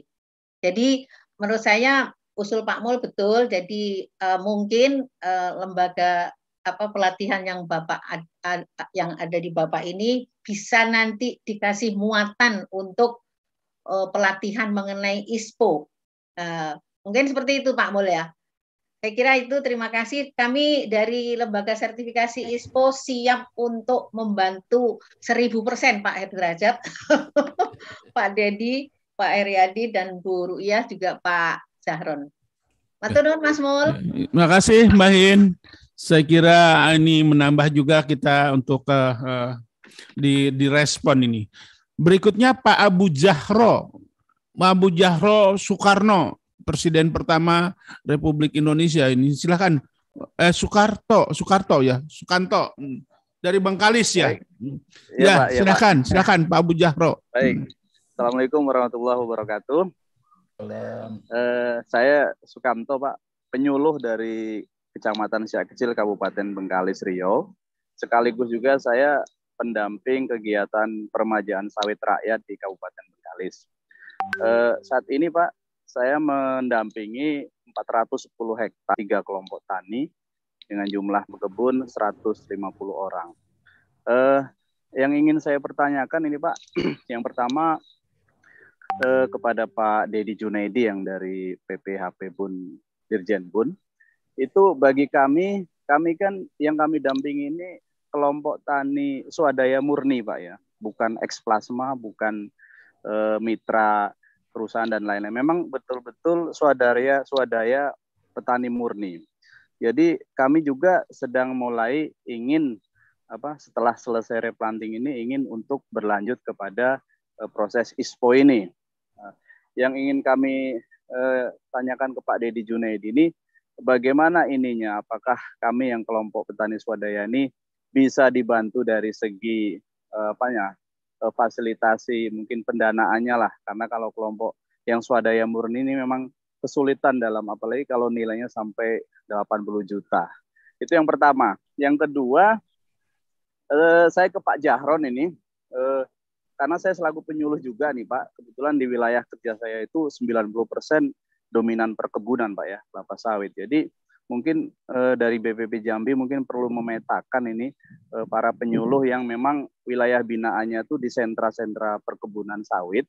Jadi sehingga kami yang uh, di lapangan ini bisa apa namanya bisa lebih fokus juga mendampingi untuk kegiatan uh, sertifikasi ISPO ini. Mungkin penyuluhnya juga bisa di apa namanya ditingkatkan kompetensinya khusus untuk uh, ini pelaksanaan ISPO karena pribadi uh, hanya ini mengikuti secara pelatihan-pelatihan webinar online seperti ini untuk meningkatkan pengetahuan kami sehingga kelompok yang kami dampingi ini tidak tertinggal. Karena sayang ini uh, pada ibu yang dari sertifikasi ISPO tadi kami kelompoknya sudah dapat bibit sertifikat yang kegiatan replanting jadi kalau tidak diteruskan ke ISPO-nya saya rasa sangat sayang sekali. Jadi mungkin kami sangat membutuhkan dukungan daripada semua pihak untuk uh, 150 kelompok apa petani di tiga kelompok kelompok tani ini. Mungkin itu Pak Pak Mulyono Makmur. Ya. Terima kasih banyak. Assalamualaikum warahmatullahi wabarakatuh. Waalaikumsalam. Terima kasih ini penyuluh kita sudah berkoar-koar nih seperti begini. Jadi ternyata penyuluh juga Pak Jahron tidak hanya nangani padi, nampaknya sudah dia juga berkiprah di petani sawit ini tinggal ditambah lagi kompetensinya aja ilmunya tentang ISPO sehingga dia bisa paling tidak menyadarkan petani untuk untuk mau di ISPO tadi kaitannya masalahnya biaya ya yang mahal tadi iya, ya Pak. nanti mungkin iya, Pak. dari Pak Dedi atau Pak Herdrajat nanti akan meresponnya Ibu Atin Ibu Atin Prianti dari Puslit Bank silakan Bu Atin Halo Ibu Atin saya di mute nih oleh. Oke. Okay. Oh ya. Nah, uh, terima kasih Pak Kapus pada masanya Pak Mulyono. Bismillahirrahmanirrahim. Assalamualaikum warahmatullahi wabarakatuh. Waalaikumsalam. Uh, Pak Mehmet yang terhormat, kepada seluruh narasumber, pertanyaan saya singkat saja ini Pak uh, Pak Mul. Saya dari peneliti tadi disampaikan oleh Pak Hendrajat satu dari empat uh, goal besar ISPO itu adalah menurunkan emisi gas rumah kaca. Nah, yang ingin saya tanyakan mungkin ke Pak Hendrajat dan nanti apakah bisa dilingkan dengan Pak Direktur eh, PPH Bun, Pak Dedi, terkait dengan uh, pelatihan. Yang pertama adalah kepada Pak Hendrajat, seberapa besar uh, in persen mungkin ya, percentage dari uh, petani sawit kita, petani rakyat maksudnya yang sudah uh, melakukan atau terkait kegiatannya itu adalah terkait dengan uh, menurunkan emisi uh, gas rumah kaca. Nah, uh, saya berasumsi berhipotesis ini adalah masih relatif sangat kecil, tetapi kalau sudah uh, besar ya mungkin alhamdulillah. Tetapi jika memang uh, masih relatif rendah, mungkin saya mengusulkan kepada Pak uh, Direktur PPH Bun, bagaimana apabila para penyuluh kita ini dilakukan pelatihan dalam rangka uh, menghitung emisi gas rumah kaca, utamanya adalah CO2 pada uh, kebun sawit kita yang kontribusinya sangat besar. Nah, sehingga memang ada dimasukkan di dalam program yang tadi disampaikan oleh Pak Direktur kepada para penyuluh-penyuluh kita ini adalah uh, ujung tombak di depan ini terkait dengan ISPO untuk uh, petani sawit rakyat kita sehingga juga bisa langsung uh, melakukan adaptasi kira-kira kegiatan yang bagaimana sebetulnya di uh, petani sawit kita ini untuk melaksanakan menuju ke ISPO yang terkait dengan uh, menurunkan emisi gas rumah kaca.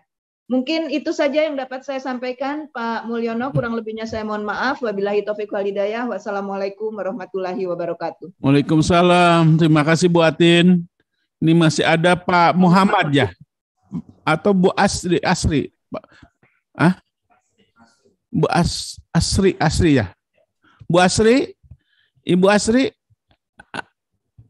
Ya, nah Pak Muhammad sudah nampak nih. Pak Muhammad silahkan. Pak Muhammad Ramli ini dari mana nih? Silakan. Silakan Pak Muhammad. Masih unmute ya. Ya, silakan. Pak Muhammad Halo. dari mana ini? Halo, Assalamualaikum warahmatullahi wabarakatuh. Waalaikumsalam. Kami dari kelompok petani yang ada di Sulbar, Sulbar ya Pak, dari Sulbar ya? Sulbar, Sulbar. Iya. Kami ini dari kami dari koperasi, kami sudah punya koperasi dan alhamdulillah sekarang kami sudah eh, bersiap atau sudah melakukan audit internal untuk eh, sertifikasi RSPO.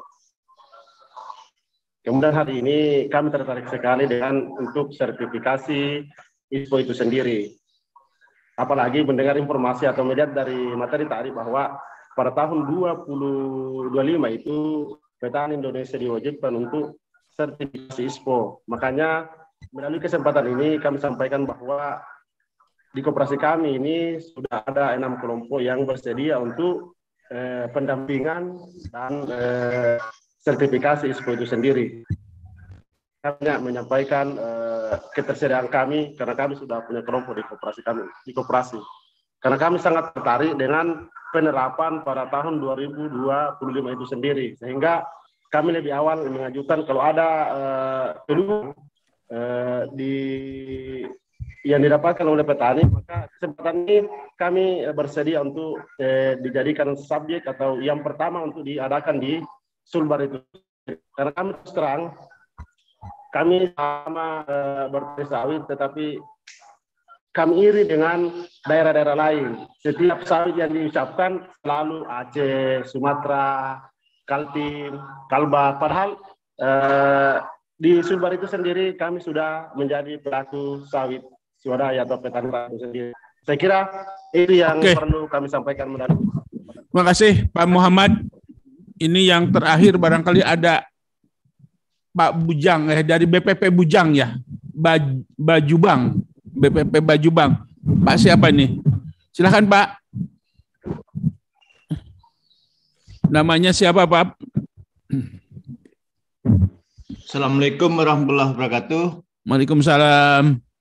Nama saya Bilal dari BPP Baju Bang, Batanghari, Jambi. Oi, orang Jambi ini. Iya, betul. Jadi kalau di wilayah kami, Pak, untuk ISPO memang masih sangat jauh. Dan itu pun yang terlibat itu petugas perkebunan itu. Jadi hanya ya kalau untuk penyuluhnya itu biasanya hanya kasih informasi wilayah yang punya wilayah kerja gitu. Mungkin hmm. itu aja masukan. Makasih. Ya. Jadi kalau dilatih di tempat Pak Jahron tentang ISPO siap ya penyuluh ya? Ah, siap siap sekali Pak. Terima kasih. Iya iya iya iya. Ya. Oke, terima kasih. Uh, terakhir nih dari Entekong nih, dari Entekong nih belum saya dengar nih. Silakan. Ini teman-teman dari BPP Entekong, Sanggau, Kalbar. Silakan, Mas. Hah? Suaranya dibuka dulu, unmute dulu, di unmute dulu tuh masih merah.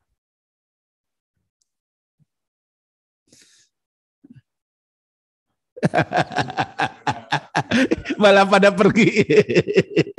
Baik, kalau memang tidak ada lagi yang anu nanti kita uh, barangkali di termin kedua kalau masih ada yang mau uh, bertanya.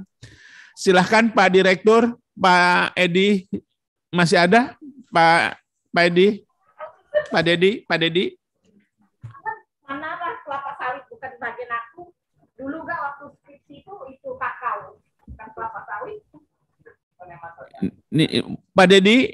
Tapi Pak, ambilan tanaman keras. Kalau Pak Dedi sudah tidak ada ya kita eh ya silakan Pak Dedi Barangkali ada yang direspon tadi ada beberapa pertanyaan dari teman-teman di lapangan. Baik. Ada Pak. Ya mangga mangga Pak Dedi. Ya terima kasih. Terutama ya, tadi Pak Abdullah kami berterima kasih tentunya sudah Pak Abdullah tadi sudah melakukan pendampingan ya e, mengenai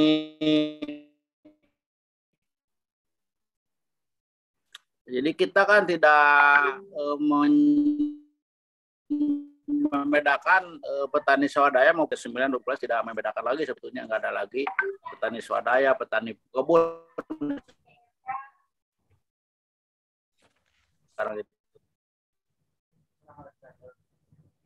Pak Dedi ya kita Pak apa namanya? Jadi, tentu nanti uh, sarana prasarana apa ada namanya.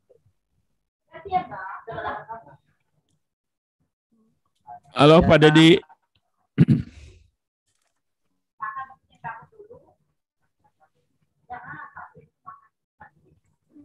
Halo Pak Dedi, kelihatannya sinyalnya turun nih. Gangguan. Halo? Ya, halo. Ya, kedengeran Pak Dedi. Itu yang bocor.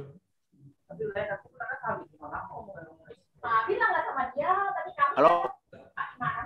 Iya, Pak Dedi, silakan. Ya. Halo, Pak. Halo, Pak. Halo. Halo. Ya, sekaligus saya kira tadi menjawab Pak Muhammad eh, Ramli ya, tadi dari Sulawesi Barat kalau salah. Iya. Ini ya, ada Pak nanti uh, untuk uh, biaya sertifikasi ISPO bagi pekebun Pak itu dari biaya BPDP. Nah di sini ada Buhin dari lembaga sertifikasi ISPO. Nah jadi nanti silakan tentu bisa melalui via online dulu lah komunikasi uh, karena ini di uh, beberapa daerah akan sudah mulai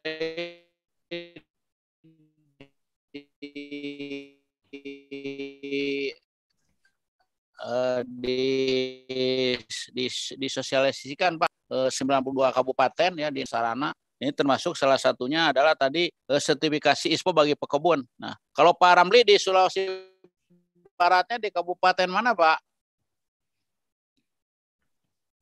Di beliau di Sulawesi Baratnya di Halo.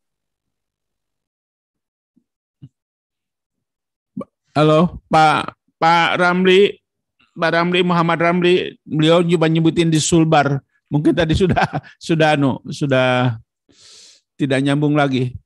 Yang yang jelas Pak Dedi tadi barangkali mereka men, men, anu mengharapkan informasi apakah sumber dananya dari mana untuk uh, sertifikat yang dirasakan mahal oleh teman-teman uh, penyuluh anu di petani maksudnya petani. Nah, ya. Jadi Ini kebetulan uh,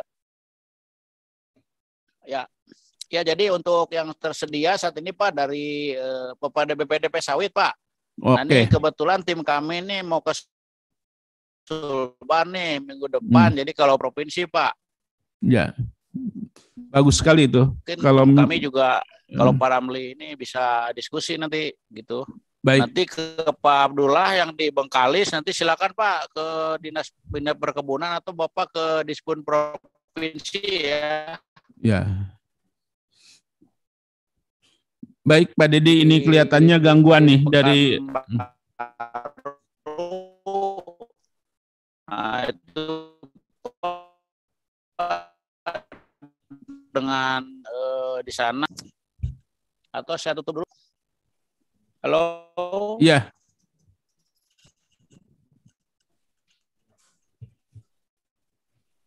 Ada gangguan pada di jadi artinya mereka tuh di sulbarnya di Mamuju. Nanti barangkali eh, Pak yang tadi Pak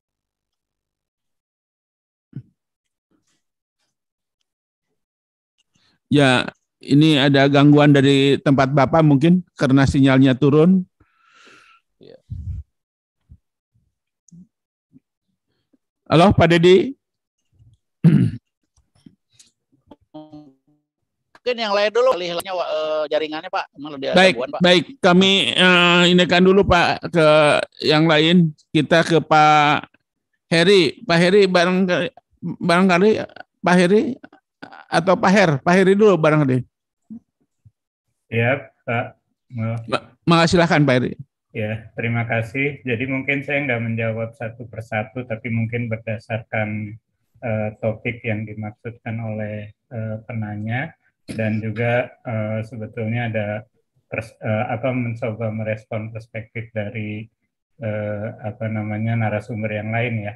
Jadi ya. pertama uh, ini ada beberapa keunggulan dari uh, ISPO karena dia bersifat mandatori uh, dalam artian diampu oleh pemerintah gitu ya, yang walaupun memang keunggulan ini tetap perlu diupayakan untuk misalnya kebijakan-kebijakannya dibuat lalu didorong untuk ditegakkan atau diterapkan gitu ya. Jadi uh, misalnya kayak uh, yang isu-isu yang tadi ya. Uh, bahwa dukungan mulai dari pelatihan, sosialisasi, pendampingan dan seterusnya gitu ya sampai penyiapan sampai bahkan untuk ke sertifikasinya itu memang eh, perlu lebih digalakkan lagi sehingga eh, betul-betul menjadi eh, apa namanya eh, ag bahwa agenda percepatan ISPO pekebun nanti ini menjadi uh, concernnya uh, Pak Herdrajat juga nanti bisa menambahkan. Juga Pak Dedi sebenarnya tadi berusaha menyampaikan bahwa uh, jangkauan pelatihan itu dan sosialisasi ISPO itu berusaha menjangkau daerah-daerah yang yang memang belum terjangkau gitu ya. Sehingga dia tadi berusaha merespon juga misalnya bahwa sulbar sulbarnya di mana gitu ya. Uh, itu itu lagi diusahakan terus gitu ya.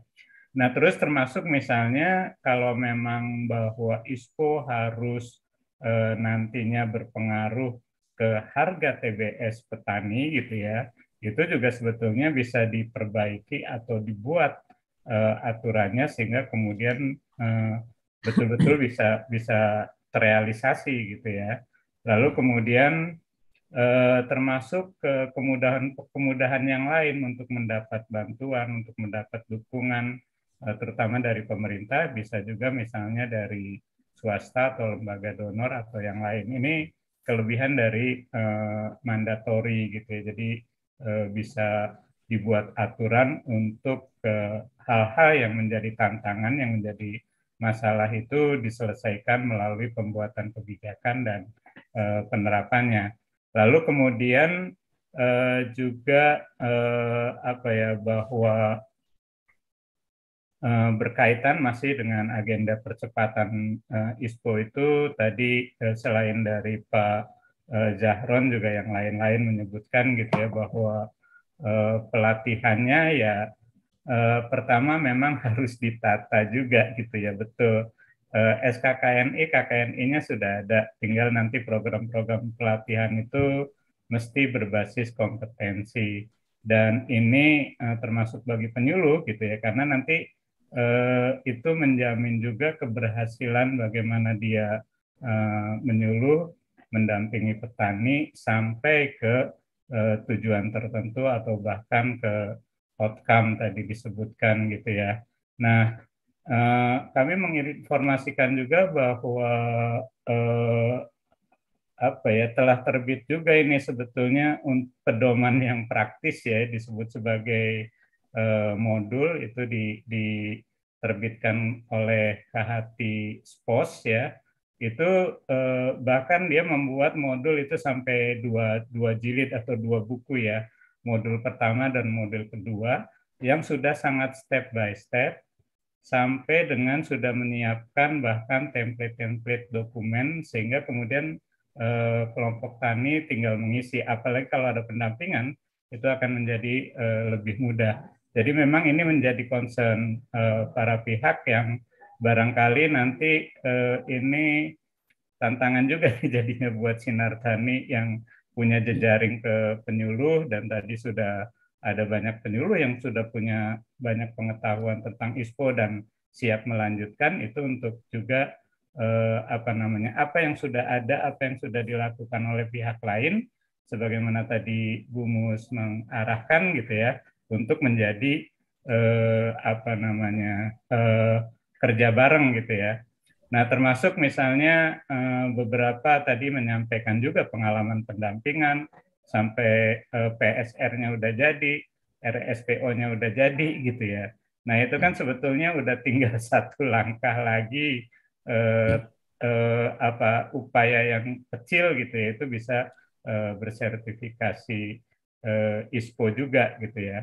Nah, lalu kemudian mengenai angka nih karena tadi ada rasio penyuluh, ada banyak daerah yang yang memang kadang-kadang belum terjangkau jangkau informasi mengenai ISPO gitu ya. Nah, ini tantangan juga nih kalau berhitung gitu ya. Tadi dari Mbak Rukayah misalnya dari pengalaman dia mendampingi 41 kelompok, 10.000 kakak, 22.000 hektar, itu kalau saya rata-ratakan ada 250 pekebun per kelompok atau kakak per kelompok, ada 500 hektar per kelompok.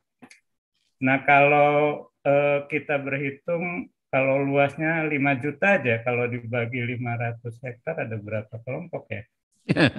500 eh, 5, 5 juta dibagi 500 hektar 10 hmm. ribu kelompok ya? Iya. 10 ribu kelompok tuh. Oh iya.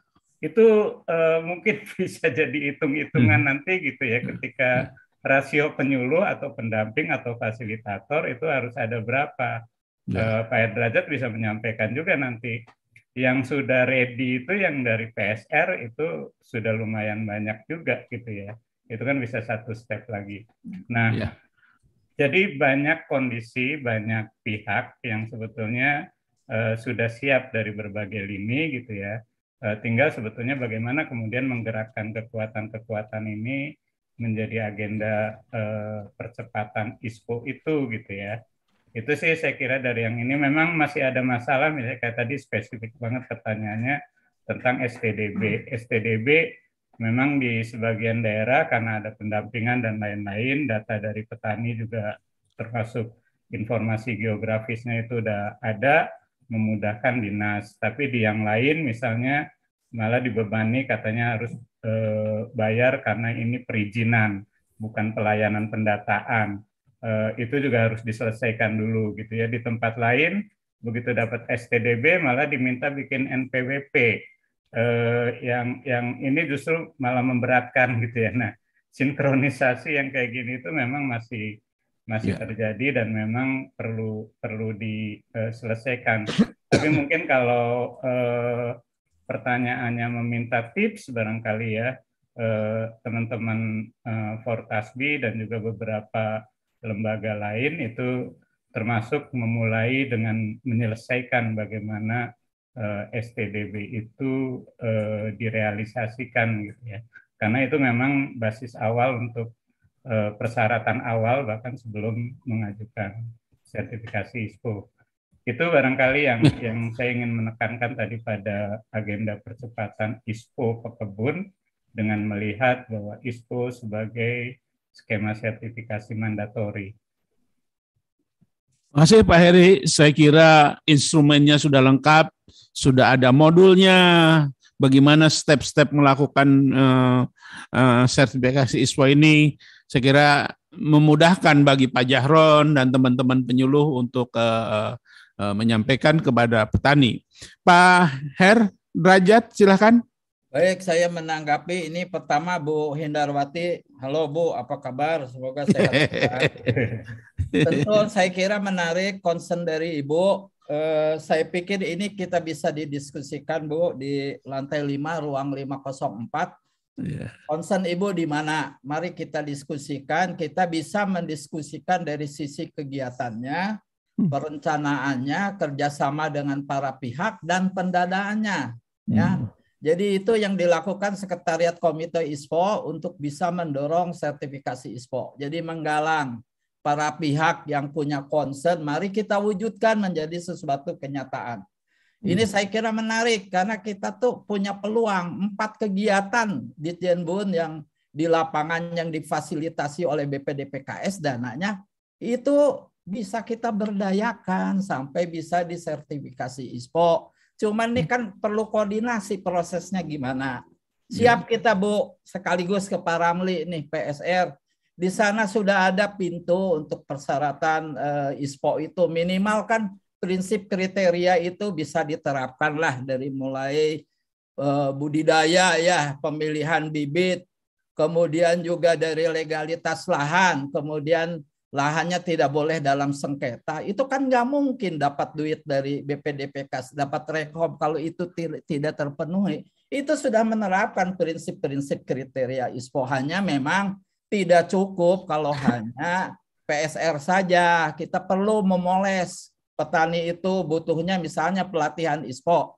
Nah itu dikoordinasikan lagi dengan kabupaten supaya rekom pelatihannya itu terbit Kemudian mungkin butuh fasilitasi pendampingan petani ya atau siapalah di situ koordinasi lagi dengan Disnas Kabupaten karena itu kan memerlukan proses rekomendasi teknis. Ya, memang birokrasi tapi seperti itu aturannya. Sampai nanti petani betul bisa disertifikasi, bikin lagi rekom itu untuk dana sarpras biaya sertifikasi penilikan yang pertama ya Pak Heriadi. Jadi biaya awal itu dibiayai itu semua. Cuman masalahnya tentu bagaimana kita memanfaatkan fasilitas ini dengan baik. Kita butuh informasi yang seluas-luasnya kan gitu ya. Kalau nggak tahu ya sulit. Jadi sebenarnya itu harus dibaca itu suatu rangkaian kegiatan pemberdayaan petani itu sampai endingnya kepada sertifikasi ISPO ya. Kalau belum ya bersabar tahapan-tahapannya diikuti. Itu saran saya ke Pak Ramli ya baik pelatihan ISPO, pendampingan ISPO itu bicarakan dengan dinas kabupatennya supaya mendapat pendanaan dari BPDPKS. Kemudian untuk Bu Atin, Bu, memang ini saya kira kalau penurunan emisi di dalam prinsip dan kriteria untuk perusahaan perkebunan itu jelas karena itu kita dimintakan kriterianya sumber emisi di mana dan dilakukan mitigasi dan itu dibuktikan dengan perhitungan nanti baru di uh, audit, di sertifikasi. Nah, untuk petani saat ini kita arahkan menurut prinsip, misalnya di prinsip satu mengenai legalitas. Di situ petani diwajibkan untuk mendapat surat izin lingkungan ya untuk disertifikasi ISPO atau di dalam sertifikasi ISO yang namanya SPPL.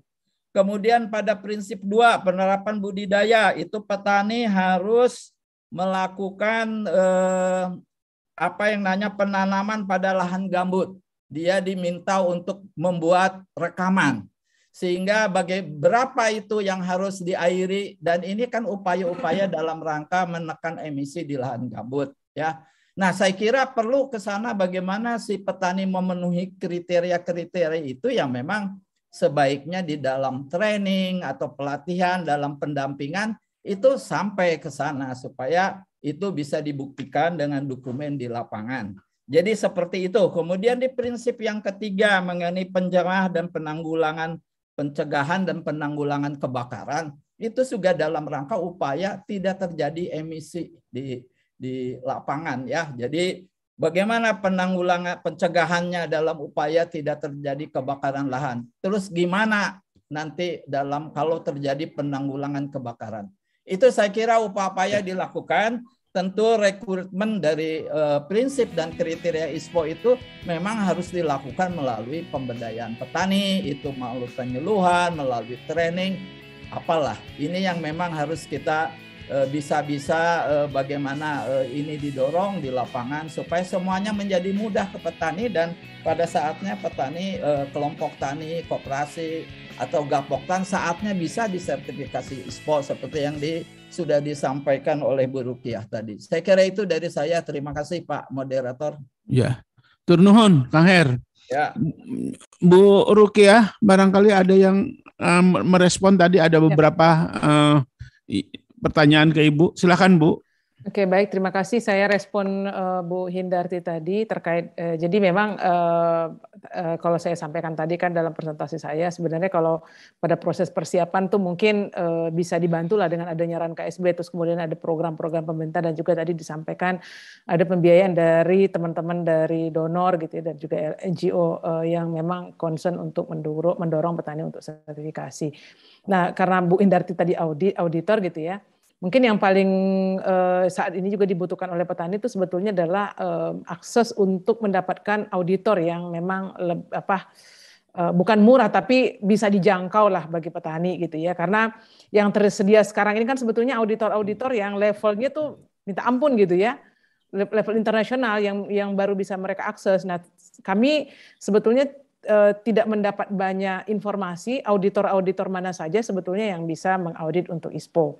Dan uh, Fortasbi sendiri mungkin sebagai, sebagai catatan juga untuk uh, Bu Hindarti, Fortasbi sendiri sebenarnya dalam uh, rencana kami di, di 2025 itu adalah berkontribusi untuk 15 koperasi untuk sertifikasi uh, ISPO gitu ya dan Fortasbi itu menyediakan ada dana untuk subsidi, subsidi untuk biaya audit. Jadi nanti kalau kemarin saya juga berdiskusi dengan satu auditor eh, apa eh, untuk ada peluangkah untuk kita kolaborasi untuk mendukung anggota kami yang sudah RSPO tapi karena mereka juga pengen ISPO tapi karena biaya auditornya itu cukup tinggi sehingga mereka menarik diri gitu ya. Jadi eh, mungkin bisa nanti kita bisa kerjasama. Saya sudah tadi was apa kirim juga eh, nomor HP saya. Nanti kita bisa diskusi karena Portasbi sebetulnya ada dana untuk pembayaran untuk audit, tapi nggak banyak bu, eh, makanya memang modelnya subsidi.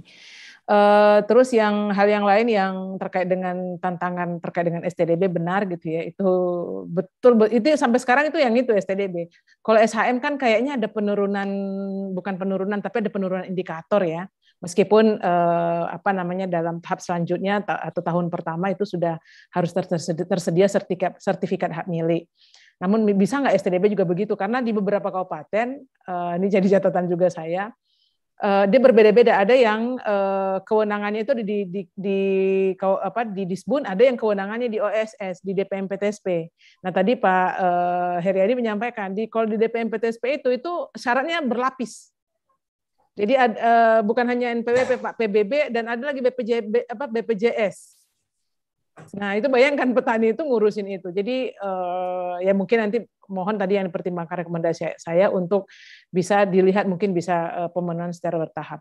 Terus tadi Bu Atin ya terkait dengan gas rumah kaca, tadi Pak Hendra Rajat juga sudah uh, menyampaikan ya saya untuk apa ingin uh, meng-highlight uh, sebagai pengalaman gitu ya. Dulu tiga tahun yang empat tahun yang lalu RSPO ada menerapkan penghitungan gas rumah kaca untuk petani swadaya, tapi itu nggak applicable jadi petani itu disuruh macam-macam untuk ditulis gitu dari praktek perkebunannya, budidaya dan lain sebagainya. Lalu ditambah lagi untuk mengisi checklist untuk eh, apa namanya gas rumah kaca dan itu tidak applicable, applicable meskipun RSPO itu menyediakan juga aplikasi kalkulatornya. Jadi petani itu tinggal ngisi di kalkulator, kalkulator eh, gas rumah kaca namanya. Tapi itu juga tidak tidak bisa digunakan gitu loh. Karena kalau kita lihat sebetulnya ketika petani bersertifikat itu sebenarnya sudah menurunkan gas rumah kaca secara tidak langsung. Misalnya dulu sebelum dia sertifikasi dia menggunakan pupuk itu sembarangan. Jadi dia ngelihat orang sebelahnya, jadi petani sebelah bawa urea, dia juga bawa urea. Padahal sebetulnya kebutuhan kebun itu kan berdasarkan daripada eh, apa namanya eh, analisa daun gitu ya.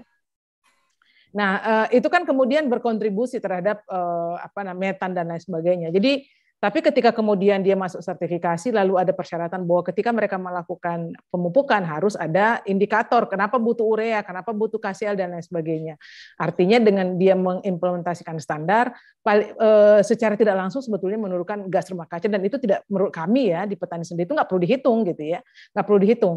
Uh, jadi uh, juga sama di RSPO yang sebagai standar internasional juga sebetulnya kalkulasi untuk gas rumah kaca itu sudah tidak lagi applicable untuk uh, petani swadaya. Jadi mungkin tadi Pak Derajat sampaikan dari prinsip satu sampai prinsip selanjutnya sebetulnya tata kelola per, uh, kelapa sawit bagi petani ketika masuk sertifikasi itu sudah sebetulnya menurunkan uh, gas rumah kaca. Mungkin itu saja dari saya Pak uh, moderator. Terima kasih. Ya. Terima kasih Ibu. Terakhir dari Pak Jahron. Silakan Pak Jahron. Masih ada Pak Jahron? Ya, kalau Pak Pak Jahron tidak ada, sekira Bapak Ibu sekalian, karena waktu kita sudah anu, mohon maaf, saya tidak buka termin kedua karena waktu juga yang membatasi kita. Kita sekali lagi terima kasih kepada para narasumber Pak Heri, Pak Her, Bu Rukyah, Pak Herdajat, Pak Dedi, dan para peserta semua atas kesabarannya. Mohon maaf Pak Gultom, karena waktunya ini udah masuk azan zuhur nih. Saya serahkan Pak Mehmet untuk uh, closing statement dan sekaligus menutup acara ini. MC dulu ya, saya serahkan ke MC dulu. Mohon maaf.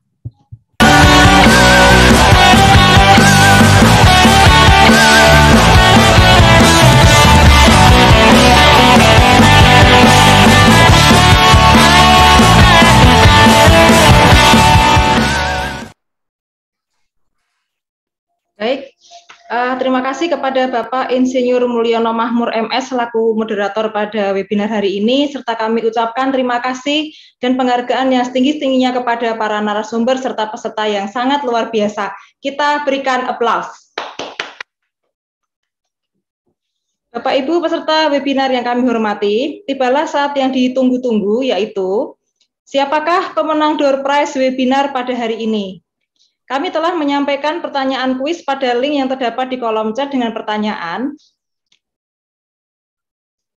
Webinar ini terselenggara atas kerjasama Tabloid Sinatain dengan LEI. Apakah kepanjangan dari LEI?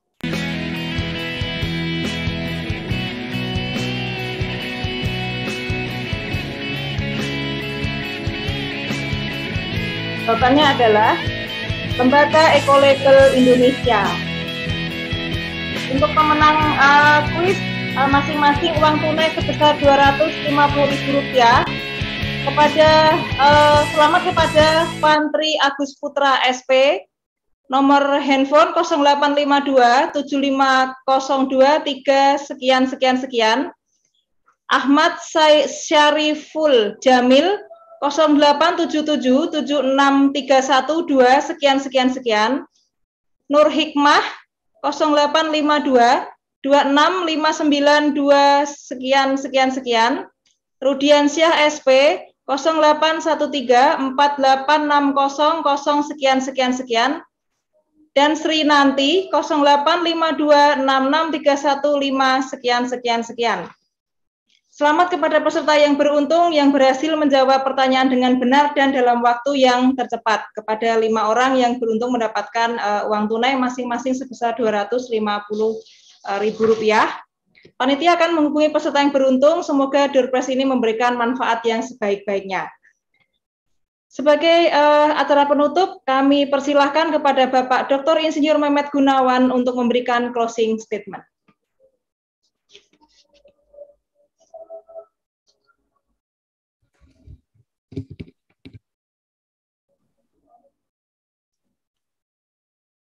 Assalamualaikum warahmatullahi wabarakatuh. Waalaikumsalam warahmatullahi wabarakatuh. Bapak Ibu sekalian, para peserta, para narasumber, saya mencatat banyak sekali uh, pengetahuan yang di-share oleh Bapak-Bapak sekalian ya, Bapak Ibu sekalian.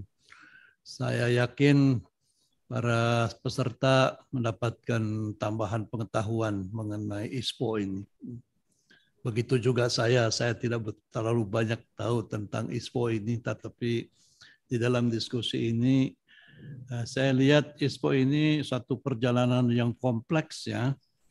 Eh, niatnya sangat luhur, sangat baik karena kita mencoba menggunakan ISPO ini sebagai sarana, sebagai jembatan untuk membuat kelapa sawit kita ke depan itu tetap uh, lestari dan kita juga mendapatkan manfaat dari uh, peningkatan lingkungan kita ke depan. Uh, dalam perjalanannya kelihatannya dari segala sisi sudah dipersiapkan dari aspek hukumnya, dari aspek uh, siapa yang menanganinya, pembagian tugas, langkah-langkah sampai dengan ukuran-ukuran itu sudah jelas semuanya. Eh, beberapa barangkali lebih mudah dimanfaatkan oleh perusahaan-perusahaan yang sudah legalis, legal aspek legalnya sudah jelas, penggunaan lahannya sudah jelas, tetapi bagi masyarakat yang mulai sejak awal tetapi tidak mempunyai dokumen-dokumen tentang lahan dan sebagainya, ini aspek uh, uh, lahan ini mm, menjadi sangat sulit. Uh, ISPO sudah ditangani uh, lembaga independen juga, akan tetapi juga uh, masalah-masalahnya masih tetap banyak. Kemudian uh, program dan sebagainya sudah sangat jelas.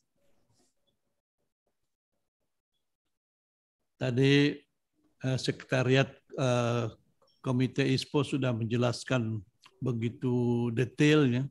Saya kira eh, kalau kita bisa melihat di lapangan itu eh, tidak terlalu complicated, mungkin kita bisa lakukan itu dengan baik. Masalahnya saya kira ada di lapangan, bukan masalah yang terkait dengan yang menangani. Eh, Bapak Ibu sekalian, kondisi-kondisi yang dihadapi yang tadi disampaikan eh, seperti eh, aspek legal, aspek-aspek pendanaan, aspek-aspek yang lain itu eh, bagi masyarakat petani yang tidak mempunyai akses ke sana tidak mungkin mereka itu bisa menangani dengan segera dengan baik ya. Betul sekali saran Bapak-bapak semua bahwa mereka perlu pendampingan mereka perlu bantuan baik dari segi eh, dari segi dana, dari segi bantuan yang sifatnya eh, penyayapan di dokumen dan sebagainya.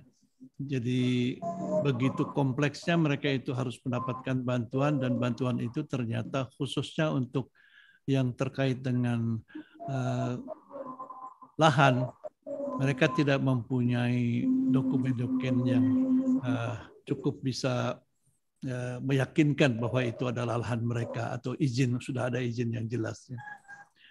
Yang berikutnya tadi disampaikan saya kira menarik sekali bahwa biaya untuk mm, mendapatkan ISPO ini cukup besar. Akan tetapi harga TBS yang sudah mendapatkan ISPO dan tidak mendapatkan ISPO itu sama saja. Jadi kelihatan di sana tidak ada insentif untuk uh, mendapatkan ISPO, mengeluarkan dana untuk ISPO. Ini mungkin uh, pekerjaannya dari pihak pemerintah ya bagaimana uh, ini bisa dilihat sebagai satu insentif ya apabila ada perubahan-perubahan. Kalau ini insentif ini bisa di bisa diciptakan, kemungkinan akan mendapatkan respon yang agak lebih baik barangkali. Masalah-masalah yang terkait dengan rasio penyuluh ini hmm. juga disebutkan tadi eh, satu hal yang sangat hmm. eh, membebani. Pelatihannya sedikit, kemudian eh, perimbangan penyuluh yang memang sangat timpang. Digitalis penyuluhan mungkin merupakan satu solusi dan uh, hal ini kelihatannya belum uh, maaf walaupun sudah prioritas tapi belum berjalan dengan baik.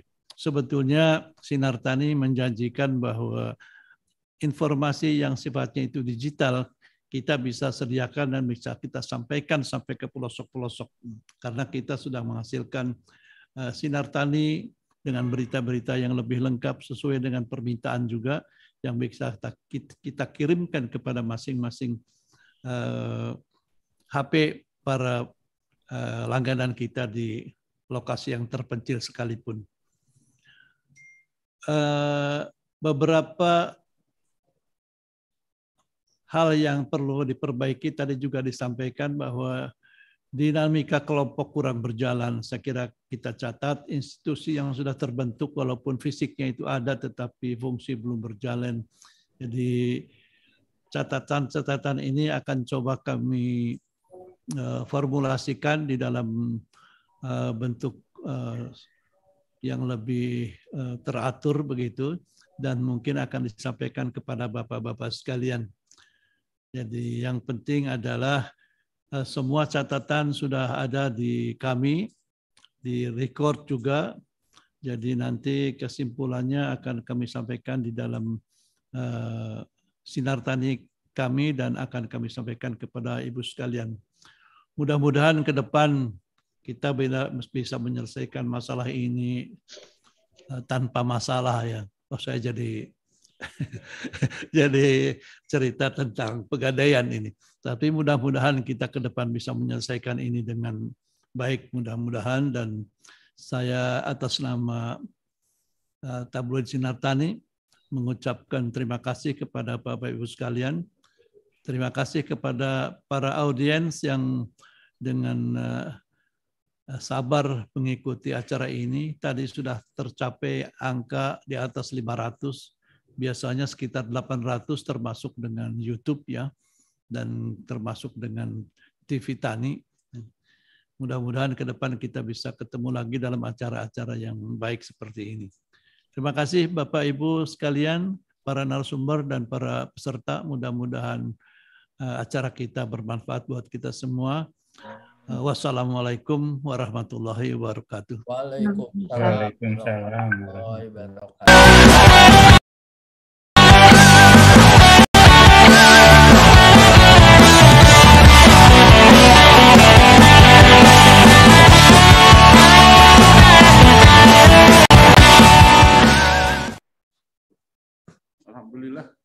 Baik, terima kasih kepada Bapak Mehmet Gunawan.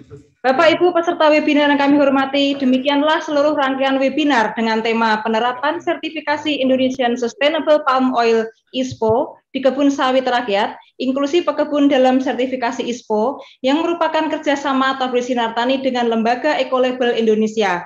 Terima kasih atas partisipasi Bapak Ibu semuanya. Insya Allah kita akan berjumpa pada webinar sawit selanjutnya. Kami atas nama Panitia Sinar Tani memohon maaf yang sebesar-besarnya apabila terdapat kekurangan selama penyelenggaraan acara ini. Perkenankan saya Indri Hapsari selaku pembawa acara undur diri. Wassalamualaikum warahmatullahi wabarakatuh. Waalaikumsalam. Terima kasih. Waalaikumsalam warahmatullahi wabarakatuh.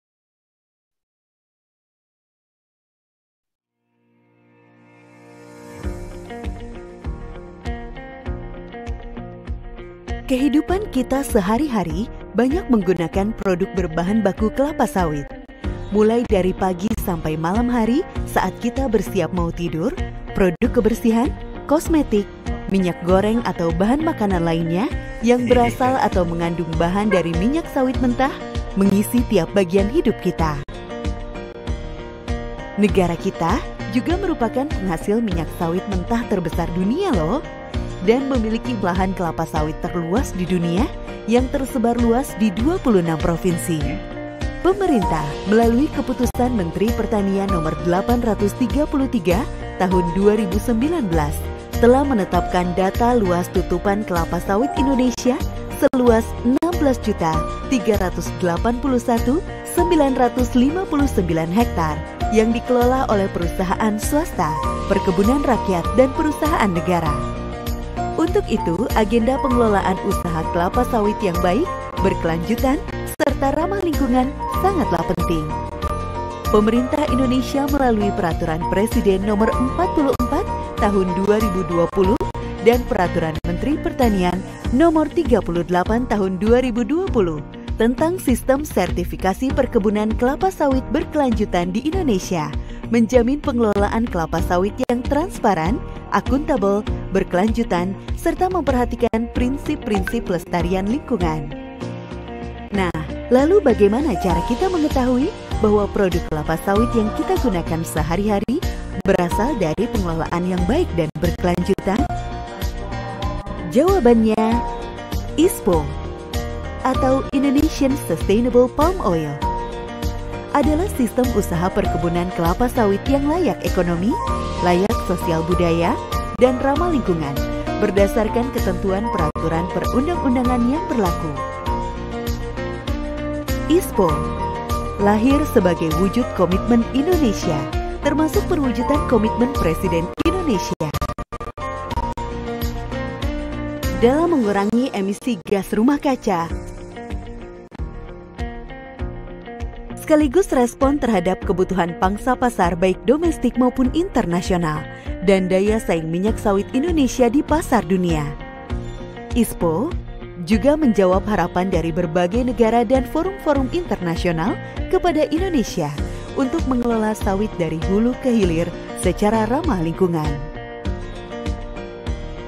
ISPO mengatur beberapa prinsip pengelolaan kelapa sawit, yaitu kepatuhan terhadap peraturan perundang-undangan meliputi legalitas lahan dan usaha perkebunan, penerapan praktik perkebunan yang baik meliputi perencanaan perkebunan dan penerapan teknis budidaya dan pengolahan hasil. Pengelolaan lingkungan hidup meliputi pelaksanaan izin lingkungan, pengelolaan dan pemanfaatan limbah, pengelolaan bahan B3, pengendalian kebakaran dan bencana, penurunan emisi gas rumah kaca, serta perlindungan terhadap hutan kawasan lindung dan areal bernilai konservasi tinggi. Tanggung jawab ketenaga kerjaan meliputi keselamatan dan kesehatan kerja, peningkatan kesejahteraan dan kemampuan pekerja. Tanggung jawab sosial dan pemberdayaan masyarakat yang meliputi tanggung jawab sosial kemasyarakatan, pemberdayaan masyarakat hukum adat atau penduduk asli, dan pengembangan usaha lokal. Penerapan transparansi meliputi sumber buah sawit atau tandan buah segar, penerapan harga tandan buah, keterbukaan informasi, komitmen untuk tidak melakukan tindakan suap, sistem rantai pasok yang mampu telusur, dan peningkatan usaha secara berkelanjutan dan program tanggung jawab sosial serta pemberdayaan ekonomi masyarakat. Sebagai standar nasional yang wajib diikuti semua pelaku industri sawit, ISPO dapat menjamin masyarakat selaku konsumen bisa dengan aman menggunakan produk-produk kelapa sawit tanpa khawatir akan dampak lingkungan atau sosial. Saat ini sebagian besar perkebunan swasta serta sebagian besar perkebunan dan perusahaan negara sudah memiliki sertifikat ISPO. Selain itu, bagi para pelaku industri, ISPO juga memberikan jaminan kepastian secara hukum sehingga pelaku industri sawit bisa menjaga prinsip keberlanjutan dalam operasional usahanya. Keberadaan ISPO merupakan angin segar bagi industri sawit Indonesia karena menumbuhkan kepercayaan antara konsumen dan produsen. Juga meningkatkan penerimaan dan daya saing produk sawit Indonesia di pasar internasional. ISPO membangun masa depan industri sawit Indonesia yang berkelanjutan. Penerapan ISPO berpotensi menyumbang secara nyata terhadap pencapaian 12 dari 17 tujuan pembangunan berkelanjutan atau Sustainable Development Goals 2030